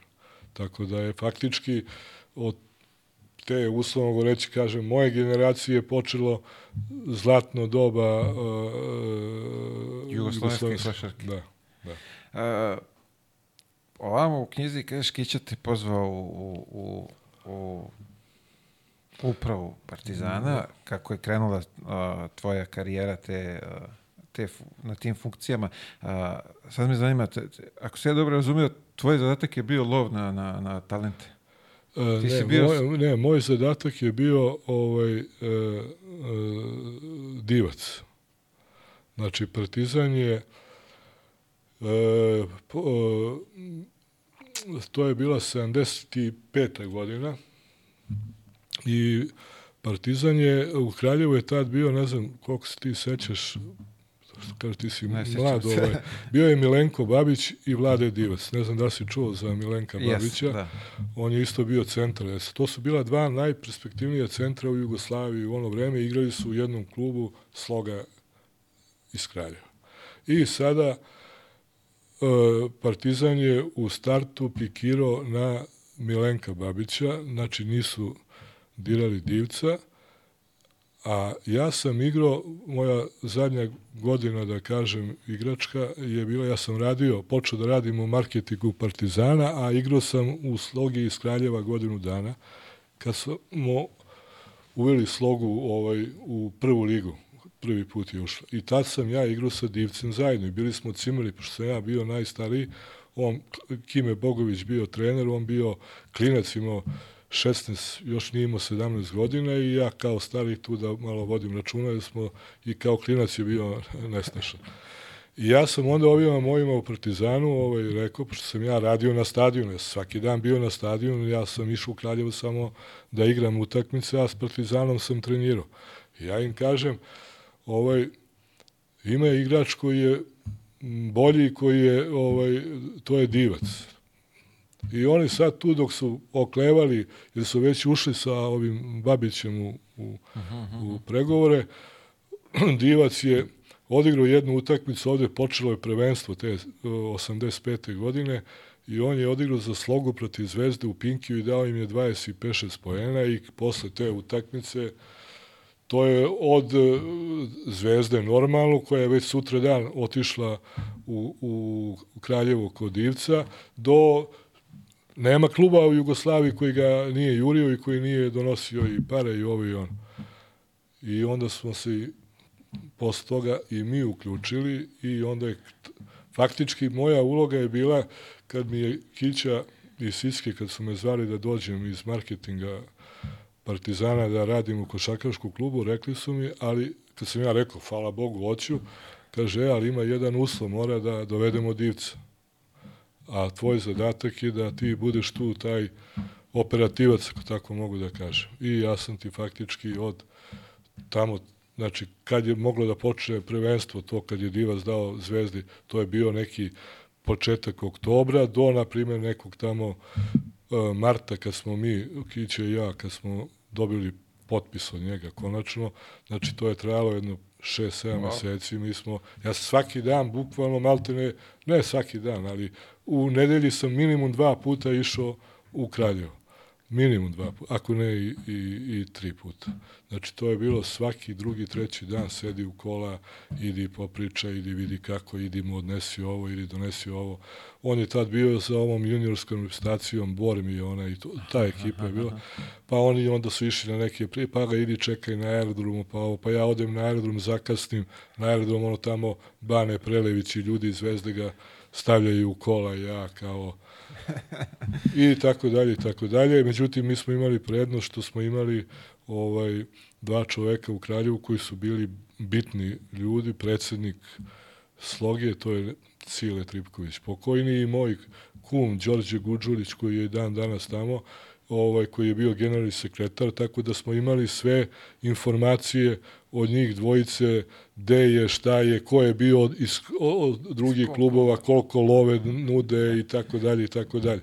Nama je bio glavni zadatak da ubedimo divca, nama nije bio problem sloga, jer ni, tad nisi mogao da pređeš ovaj, bez ispisnice, znači ti si mogao ali ako ti uh, klub ne da ispisnicu, ne možeš da ga registruješ, nije kao sada, nije bilo ugovora, nije bilo... Da, da, da, da. Tako da smo mi ovaj se lomili s divcem do tamo negde početka marta smo ga ovaj e, savatali u jednom selu pored Kraljeva, moja tetka tu Komaluk i tu ga je Kića ovaj jedan na jedan uvatio i on nam je potpisao, ja sam šetao oko kuće, ovaj, e, bilo još zima, boga mi dam da sam se smrzao dok sam šetao, takav je dogovor bio da ostanu njih dvoje sami i on ga je ovaj, i on je tada nama potpisao pred ugovor i tad smo otprilike mi bili od, na dobrom putu, ne sigurni, nego na dobrom putu da imamo velike šanse da ga dovedemo, ali nije, jer znaš kako je s divcem je bila priča, mi pričamo, on ćuti, ona zgleda, aha, ovo, ono, nije pregovarao uopšte. I mi završimo razgovor i krenemo Kiće ja za Beograd. I gledamo se u kolima, rekao, šta je ovaj, ništa ne, šta, šta, jel ti znaš šta ovaj, rekao, nemam pojma, ti, rekao, nemam pojma. Tako da mi nismo imali, ovaj, takav je ti bio, a onda nas je, ovaj, kad smo, kad konačno kad je došao, onda nam je rekao, kaže, kaže, koji ste vi ovce bili, pa ja sam odlučio prvog dana još da ću da dođem u, u Partizan. Iz istog otprilike nekog uh, razloga kao i ja kad sam prelazio ne jer Zvezda je kako da kažem, Partizan je tad pravio jednu mladu novu ekipu, bio je Đorđević koji je bio kolega s njim u, u repstaciju ovoj da, juniorskoj. Da, da, da, Došao je Paspalj koji je tu isto bio, razumeš, tako da je on tu sebe i video. Već video, da. Da. Znaš, ali vi ste bili ali, uporni šest Ti sada znaš šta i kako i mi smo ga jurili, kažem ti, ali dobro. E, I tako je kad sve to završilo, onda sam ja faktički tek posle toga zvanično počeo da radim u košarkaškom klubu. A, mnoga velika imena Partizanu, kad gledamo košarkaški, mnogo je velikih imena koji su prošli za, za period kad si, koji si ti proveo tamo, a, si ubedio da, da, da pređe u Partizan. A, Mogu da izdvojiš sad nekog pa, najdražeg? Ovaj, ja, ja mislim, ovaj, čak ja imam i taj neki spisak u kancelariji od ranije ovaj, svesku stvari jednu gde sam kao nešto obeležio, ali koju uopšte nisam ni koristio. Evo sad me ti podsjeti ovaj, za ovu knjigu. Mislim da tamo ima negde oko 25-6 igrača da kažem koje sam ja ajde možda, ali polo, više od pola njih direktno ovaj, da kažem sam ja ali za mene je bio najveći, da kažem, podvig u ono vreme, to je bio Dejan Tomašević. Jer ovaj, je on bio već reprezentativac, bio to je bio igrač koji je u ono vreme tamo 90 ono peta šesta godina kad je to sad tačno bilo koji je donosio prevagu na jednu ili ili drugu stranu i još je bio u Zvezdi i imao je i neki ugovor sa Zvezdom, tako da je sve to izgledalo kao onako, kako da kažem... Komplikovanije. Nekom nego malte ne, nemoguće. A bio je pri tome i ortodoksni zvezdaš. Je se izjašnjavao i, i roditelji su mu, odnosno otac mu bio isto veliki zvezdaš, tako da e, sad ovaj tu nam je, meni je tu vezano kod njega ovaj pomogao dosta i Novica Čičić koji je bio trener kod nas ovih mlad, u, juniora, jer ovaj e, ja sam se dogovorio s njim da da malo ispipa oslušne po gradu šta i kako i on je došao do ovog Ljube Vidačića koji je tad isto bio u Zvezdi ovaj, i on je pričao sa njim i onda me je pitao za Ljubu vidjeti šta mislim ovaj, on bi hteo da napusti Zvezdu. Ja sam rekao ok recimo da ćemo ga dovedemo mislim ovaj, uopšte uklapao se u tu neku našu jer sam ja doveo pre toga Lukovskog kao playmakera i treba nam je još jedan playmaker i onako njih dvoje su mi delovali kao onako da nisu ono isti tip igrača i I onda u, mi je Novica rekao kad je ovaj, razgovarao s Vidačićem da mu je ovaj pomenuo za Dejana, kao da Dejan razmišlja da ode da ode iz Partizana. Da, da ode iz Zvezde. Ja sam rekao, daj, nek ti da broj telefona, on mu je dao broj telefona i on mi dao broj, ja sam ga pozvao i, i ovaj, dogovorio s njim da se nađemo tamo u, jednoj, u jednom lokalu ovaj, u Ustaničkoj ulici. Ja sam seo s njim, obavio razgovor i ja sam video faktički da procenio da on hoće da, da ide iz Zvezde, nisam prosto mogao da, da verujem koliko je on bio onako ljut na, na sve tamo šta se dešavalo u Zvezdi, da mu nisu da, ispoštovali ništa, da ovo ono i i, ja mu kažem, rekao, ili bi ti potpisao za Partizan ako ovaj, ti donesem danas, to je bilo pre podne večeras, ovaj, ovaj, ako ti donesem uh, novac, znači ne ono kaparu i ono, nego faktički i on kaže bi.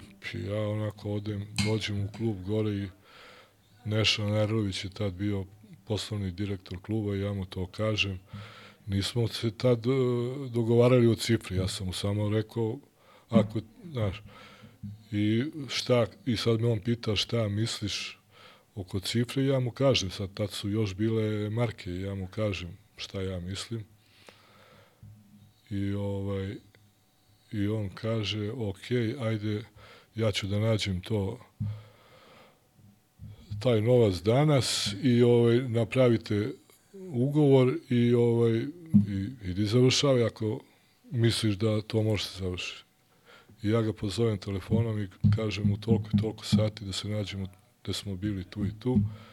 Rekao, ja donosim papire, a on kaže, jel donosiš novac? Rekao, donosim koliko? Rekao, neću pričam preko telefona i, i ja dođem, donesem u kesu, on kad je vidio u kesu, nije mogu da veruje. Potpiše, kaže, ne, nije teo da potpiše, kaže, mogu samo da ovaj, e, ćaletu, ovaj, roditeljima, kaže. Ja rekao, ne može, rekao, možda idemo zajedno, ovaj, Rekao sam se plašio ako ode da, znaš, da će se predomisli da neću i uglavnom to veče mi sve to završimo. I mislim da kažem, bilo je tu, ja sam doveo direktno Koturovića, direktno, rekao sam Lukovskog, Đokića, Radoševića, ne znam sada, mislim, Peru Božića, ne znam sad, ima ih, kažem, ne mogu sad svih da se setim, bilo je, ali mislim da je, da je faktički uh, u tom periodu dolazak Dejana Tomaševića uh, bio uh, krucijalan potez ne za tu godinu, nego za faktički da je Partizan pokazao neku i snagu i, i pokazao faktički poslao poruku i svim drugim igračima da ovaj e, e, mogu da dođu i da treba da dođu ako hoće da razumeš da da ovaj on nas je, kako ti kažem, definisao kao klub definitivno, jer smo mi bili, to su bile one vreme i sankcija posle ovog 92. godine kad smo bili, ušli smo u neki, u neki, neko vreme gde je, gde nije bilo baš, nije bilo ni vreme ni za investicije, ni za i faktički sa njegovim dolaskom mi smo pokazali neku stvari snagu, da smo stvarno klub koji je spreman da i u, faktički mi smo to i bili i, pre, i imali smo taj zastoj mali kad se posle koliko tri godine pojavila budućnost kao državni projekt, da, da, tri da, ili da. četiri, četiri godine, ja mislim, se pojavila kao državni projekat gde faktički nismo mi mogli tu da se o, i nismo ni hteli, mi smo tad planski se dogovorili i tu smo isto po meni napravili dobar,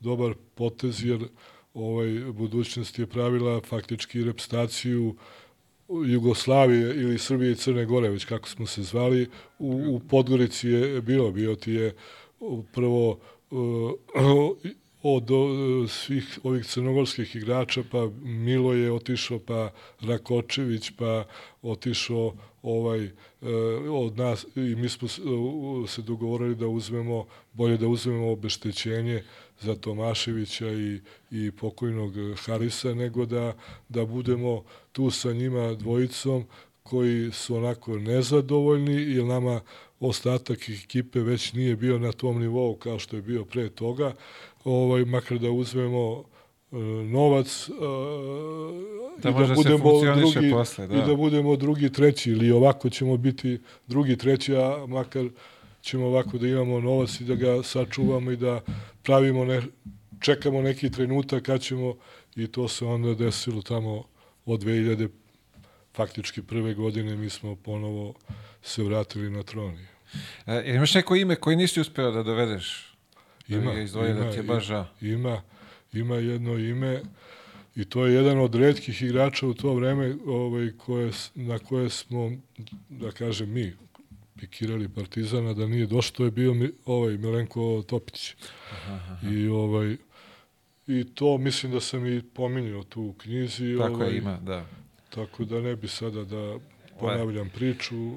Eto, a bi si faktički ja sam ga i na neki način i dobio i potpisao mi je pred ugovor i dobio je to što je e, što smo se dogovorili kao tu kaparu, međutim ovaj faktički opet se tu politika malo umešala i tako Jasno, da, da pisao ovamo ko bude čitao, vidjet će da, čemu jes. se radi.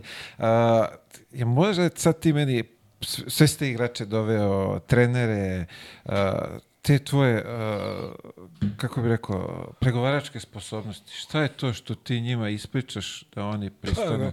Pa, ok, imali ste vi rezultate, sve, ali bilo i drugi, ako se razumeo, ekipa koji su davali čak i bolje uslove, ali su oni ipak opredelili se da dolaze u, u Partizan. Pa ne znam, ja mislim, ja, kako da kažem, ja sam ovaj, uh, uh, bio, kako da kažem, otvoren uvek, nisam nikad I uglavnom ono što sam pričao ljudima i, i, i da li njihovim roditeljima ili igračima, to se tako i, i dešavalo. Znači nisam, ne znam da sam nekoga prevario, ako tako mogu da kažem. Mislim, ne znam, mislim da, da svi, svima, koji, ja sam, na primjer, evo njega nisam pomenuo, evo sad se seti dok kažem roditelji, kad pominjem Milutino.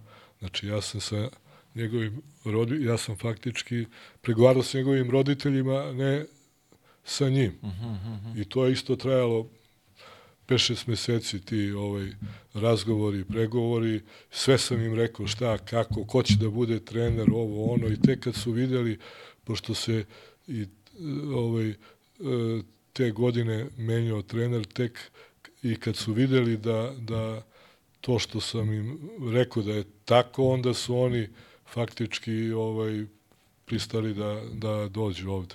Sada ne pričam, možda čak ima i ovde da piše ovaj, ovaj, e, e,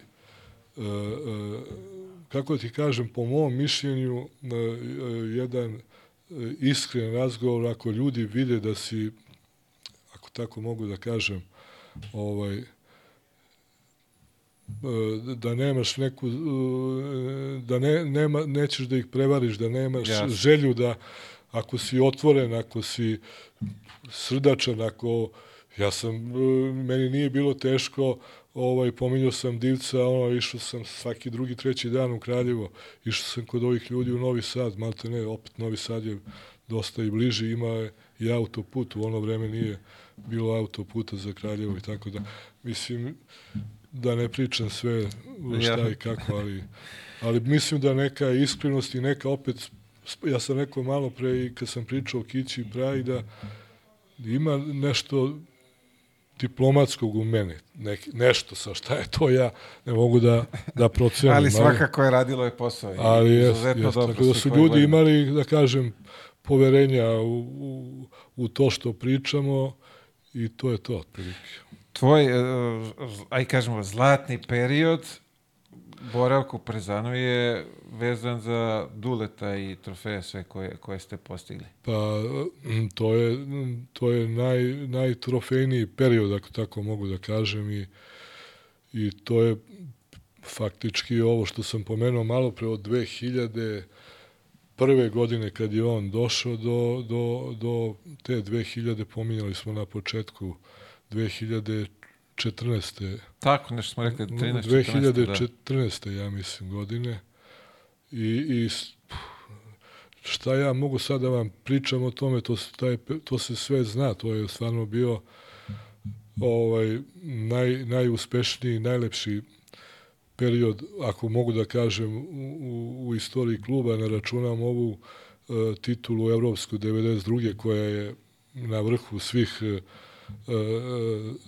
dešavanja kad je Partizan u pitanju, ali, ali ovaj period od tih koliko e, deset i koliko je Dule bio posle još tri, tri godine, ja mislim 13 godina i imali smo dve godine e, u tom intervalu, u toj među pauzi kad je Dule otišao u CSKA imali smo Vladu Jovanovića.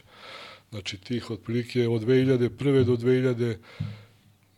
2014. godine su bile najtrofejnije godine u istoriji Partizana, tako da šta mogu drugo da vam kažem, sem, sem da je stvarno bilo e, mnogo, mnogo, mnogo lepo, ako tako mogu da kažem. Naj, najblaže rečeno.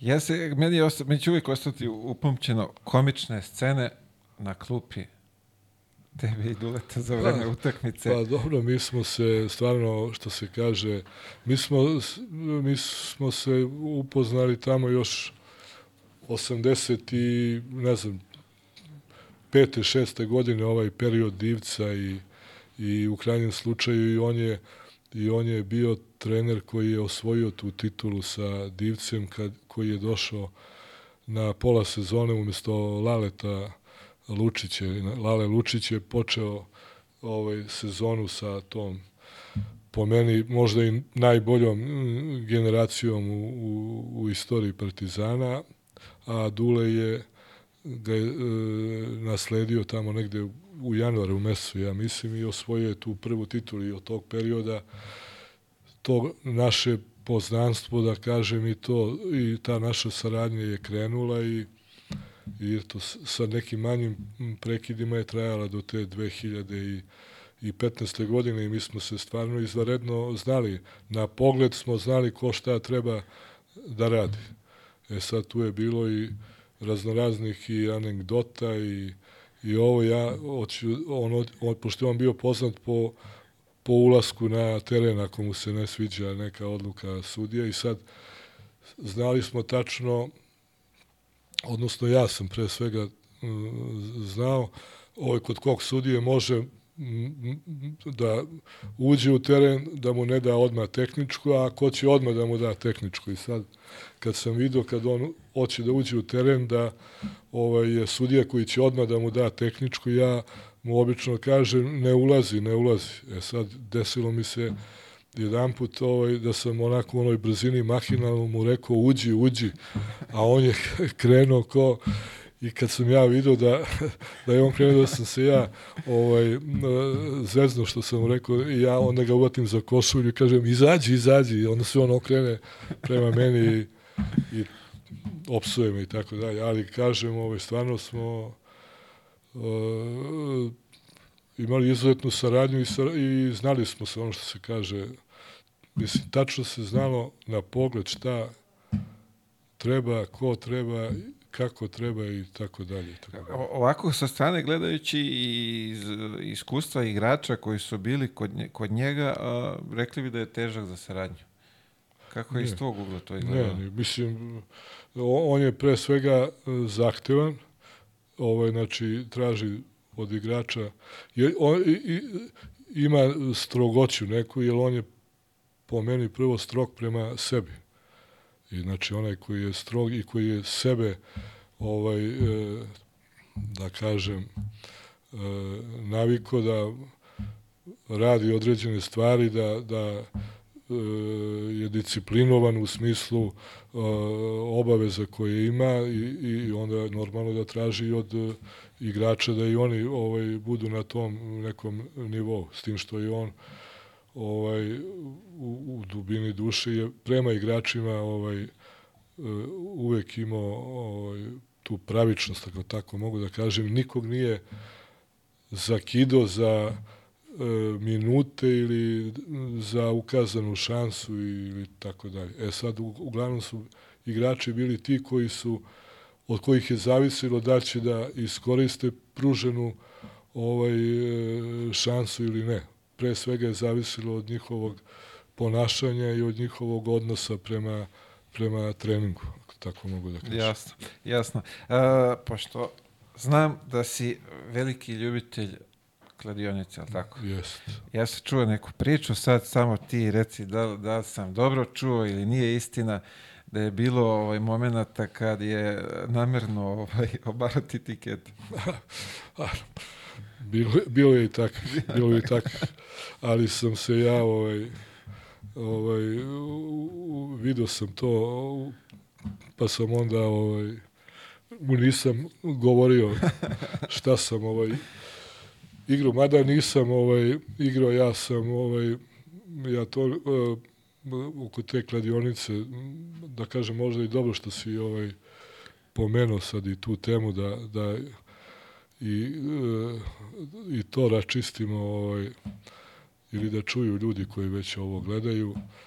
Znači, meni je kladionica bila uvek hobi, ako tako mogu da kažem. Znači, nikad nisam igrao da bi, i nikad nisam ulagao, nikad nisam igrao tiket uh, više od hiljadu dinara, niti su moji dobici bili veći od stotinak, 150 eura, tako da je meni kladionica pre svega ovaj, navikao sam da imam, da me taj adrenalin, ako tako mogu da kažem, i kako godine prolaze ovaj, raznorazna zanimanja ili ovaj, eh, hobije koje sam imao, sam ovaj, kako da kažem, napuštao i ali mi je uvek trebalo nešto da me onako malo ovaj, i, i sad, na primjer, zadnje vreme više volim da pratim rezultate nego da idem, na primjer, u kafanu, da sedim, da, da ovaj, pijem ili jedem,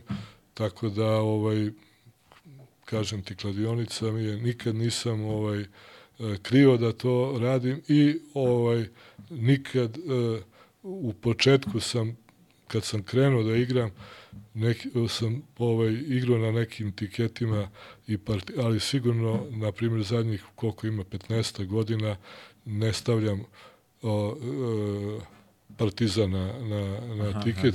Odnosno, u 99. to znaju ovi moji drugari s kojima imam neku ekipu s kojima zajedno igramo, da 99% mojih tiketa je futbal samo.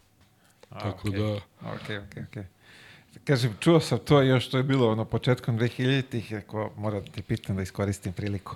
A, je bi mogo da izdvojiš sad neku najdražu titulu od ovih za, za, za tvojih? Pa dobro, je mnogo. najdraža titula je ova 92. sigurno što je najvrednija titula titula ovaj e, e, ovaj Partizanova generalno ako bih pričao o nekoj igračkoj onda je to sigurno ona 76. koja je prva koja je prva titula, eto 76. je ta prva titula i ko bi nisam mogao ni u snu da pomislim da da ovaj evo ćemo doći na prag 50. faktički, ovaj 49 ovaj ima tako da se nadam da da će mi možda bez obzira što nisam sada u prvom tome šalonu, ako tako mogu da kažem, ali sam tu i dalje poredi i možda će mi tu celu priču zaokružiti ovaj ja se nadam ove godine ova 50 tako, tako mogu da kažem. Bože zdravlje, što bi se rekla, jel? A, veli, spominjali smo, veliki broj talenata, vrhunskih igrača a, je prošlo kroz Partizan. A, imaš nekog da, da izdvojiš da je bio ozbiljno dobar talenat, a da na, na, na žalost nije napravio vrhunsku karijeru? Zna, sad mi odmah, kad si, ovaj, ne treba mi mnogo vremena, ali, na primer, jedan posebno, to je, to je ovaj, u stvari dva igrača. A, jedan je Čubrilo, Aleksandar Čubrilo, njega ovaj, sam doveo iz Pule tamo nekih o, otprilike tamo 90 i godina posle ove 92. Imao je strahovit ovaj potencijal, ali nešto mu je nešto mu je falilo da bude vrhunski, da bude, imao je sve predispozicije, imao je 2-7, imao je ovaj, brzinu, imao je skok, imao je i tehniku, imao je, ma mislim, kad pogledaš ovako, sve je imao, ali mu je uvek nešto falilo da, da, da bude onaj vrhunski.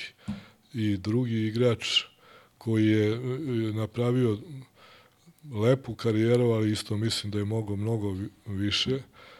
Nažalost, on nije među živima, to je tragično nastradali Haris Brkić. Mislim da je isto bio veliki potencijal, veliki talenat. E, kažem, imao je dobru karijeru, ali, ali mislim da je e, ono što je on imao da je sa tim e, mogao mnogo mnogo više, možda bi u stvari i, i, i napravio još više da se nije desila ta tragedija. Da, nažalost, to se desilo u nekim, aj kažemo, možda u najboljim godinama njegovim gde je on trebao da, da napravi Jeste, taj on se vratio, vratio u Partizan ovaj, iz Podgorice i što se kaže, e, imali smo velike planove i mi i on, ali eto, na kažem, desilo se to što se desilo, nažalost. Nažalost. Uh, imam ovde uh, dva pitanja još za tebe. Uh, kako bi mogao, je bi mogao sebe da opišeš u neke dve riječi za, za ovih 50 godina u, u Partizanu? Pa ne znam sad, eto to mislim, niko mi nije postavio nikad takvo pitanje, ali otprilike miran, tih, staložen, strpljiv. Otprilike to su onako na, na, na prvu loptu što bi rekli ono što mi pada na pamet.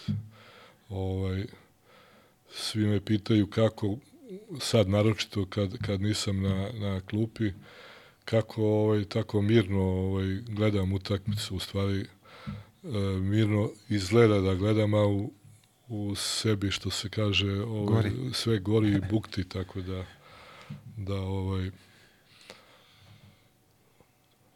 otprilike to je to ne znam sa šta bi jasno. Uh, neki od najtežih momenata šta bi izvojio Pa bilo je, sad tu je bilo, ja sam rekao i na početku ovog razgovora da je bilo i na sreću ovaj, moju da je bilo mnogo više ovih lepih nego ružnih, ali bilo je bilo je i, i, i ružnih trenutaka, možda ovako sada na prvu loptu možda naj, jedna, jedna, jedan od loših perioda, da kažem, je 92. godina kada osvajamo ono što niko nije očekivao i ovaj vraćamo se u Beograd iz Istambula, slavlje, prijemi, gostovanje na tele, raznoraznim televizijama i tako dalje i tako dalje i posle i posle deset dana sve pada u vodu kao da se ništa nije desilo, kao da u stvari ne znam sad kako da opišem, znači ulazimo u naj, jedan od najtežih perioda, ne samo partizana, nego generalno i, i zemlje kao zemlje, sankcije, raspad jedne generacije koja je ovaj da je ostala zajedno sigurno mogla još mnogo toga da da ovaj da, da, da napravi.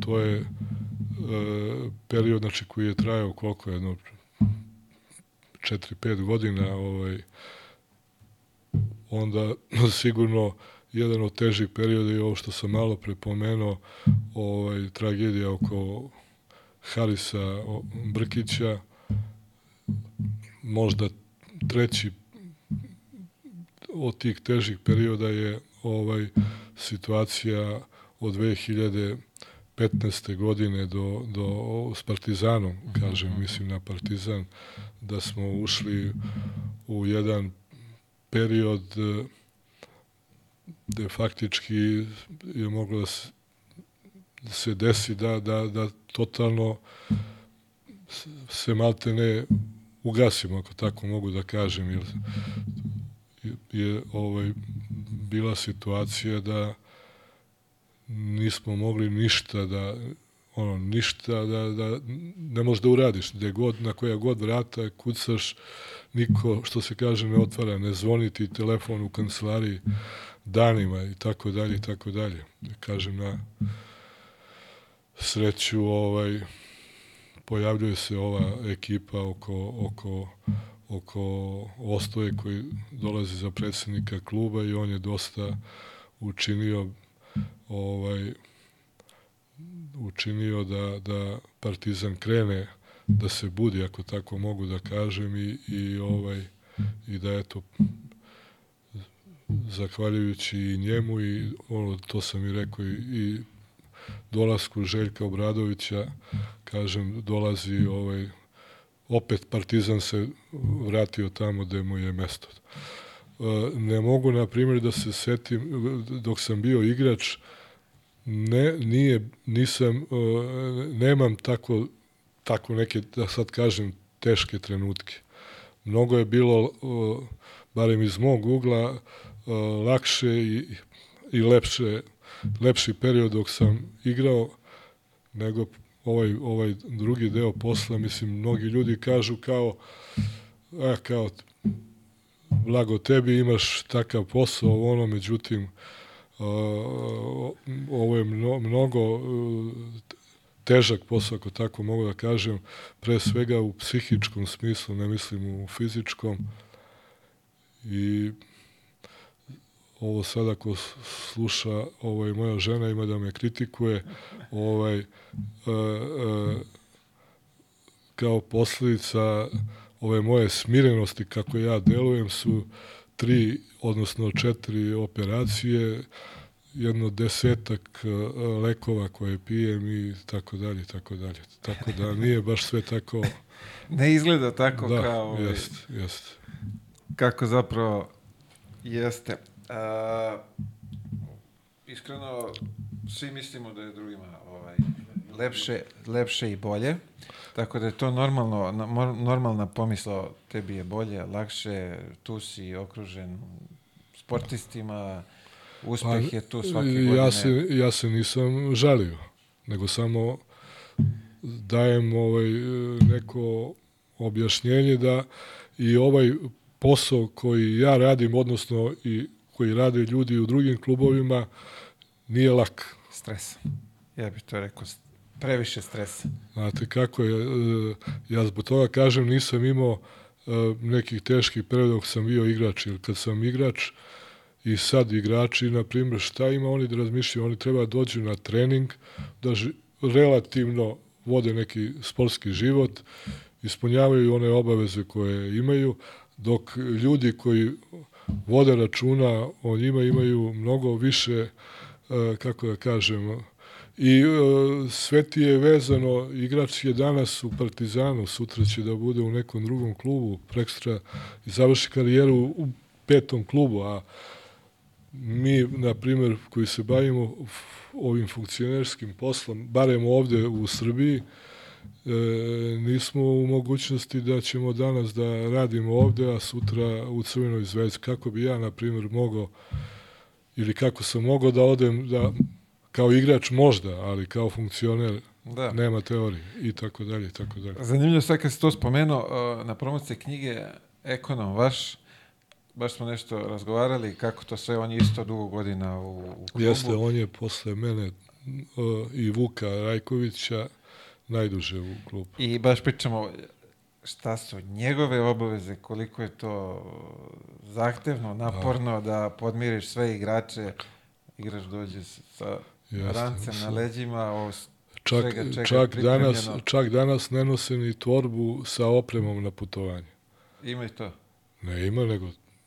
Obezbeđeno je? Nego obezbeđeno se, ovaj, ne nose oni, igrači e, nose samo u rancu, nose patike, ako se torba zagubi prtljag, ono kako aha, se kaže, aha. i nose e, dres, gaćice i dres u rancu i možda neke svoje lične stvari.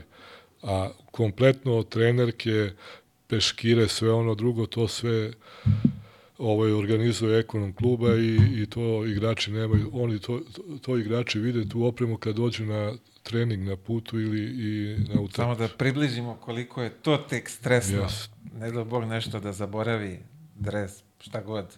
Pa patike. opet vraćamo na ono što sam malo pre rekao, da, da me ljudi pogrešno ne svate, ali najlepše je i najlakše s druge strane biti igrač. Uf, to je fantastično. Samo ako još lepo traje i uspešno, onda je najbolje moguće. A, za kraj, savet za mlade generacije. Ti sa toliko iskustva, svega... Pa moraju uh, da budu iskreni, da budu pošteni prema sami sebi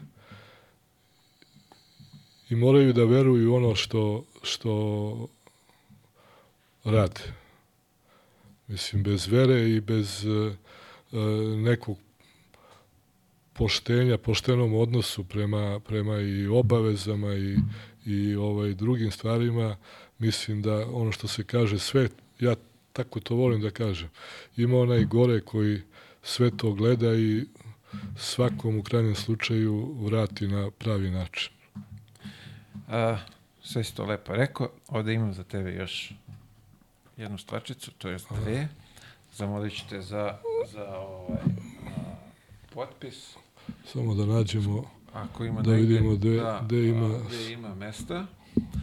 A, Vlado, zamolit ću tebe za hemijsku jednu, molim tako, nije problem. Da je bolje tanje, jer ovde nema mnogo mesta da uglavimo negde. Negde gde god vidiš, slobodno, već smo blizu smo ovaj ispopunjavali. A, vreme je za drugu, da ti Tako kažem. je, da. Vreme je da ona ide na aukciju. Hoćemo da skupimo parice da. neke, da, izvini, sam otvorio, ovaj, da skupimo neke parice, da doniramo nekom. Ima tu velikih imena, velikih, što bi se reklo, potpisa.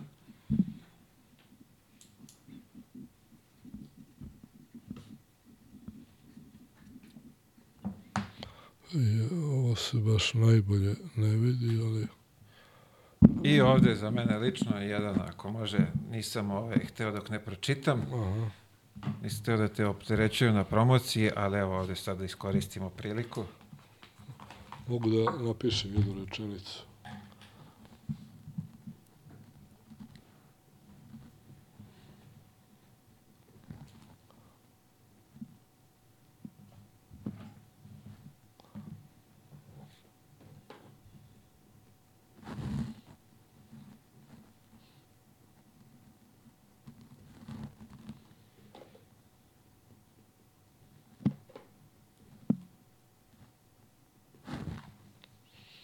Koji je danas datum? Danas je uh, šesti, je li tako? Šesti. Jedanesti.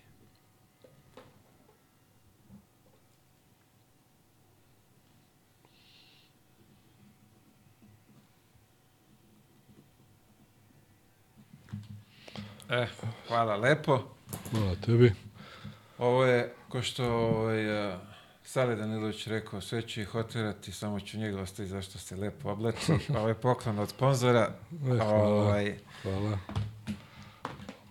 redovno se, kao što vidim, briješ, tako da poklon od sponzora Hybrid 5 Flex, Da. tako da uh, još jednom knjigu ćete naći u, u, u opisu videa, tako da možete poručite, pročitate. Predlažem svima da, da kupite, ima mnogo zanimljivih stvari iz uh, 50 godina istorije Partizana, Novi Big Hybrid Flex savršeno brije. I da, oštrice mogu da mu se zamene. anegdota, ima dobrih anegdota, nismo Da, sve ima. izneli, ovdje ostali smo nešto i njima da pročitaju, Yes. tako da ovaj, kogod ima priliku može da potraži i, i da kupi knjigu. To što tebi želim svako dobro, Hvala i svega. tebi želim i da e, puno uspeha sa ovom emisijom i nadam se da će biti sve više i više pratilaca. Pa, nadamo se da hoće, trudimo se, radimo se, tako da bit će što da ne. Hvala ti još jednom, još svako dobro. Uh, dragi gledalci, pozdravljamo se i vidimo se već sledeće srede.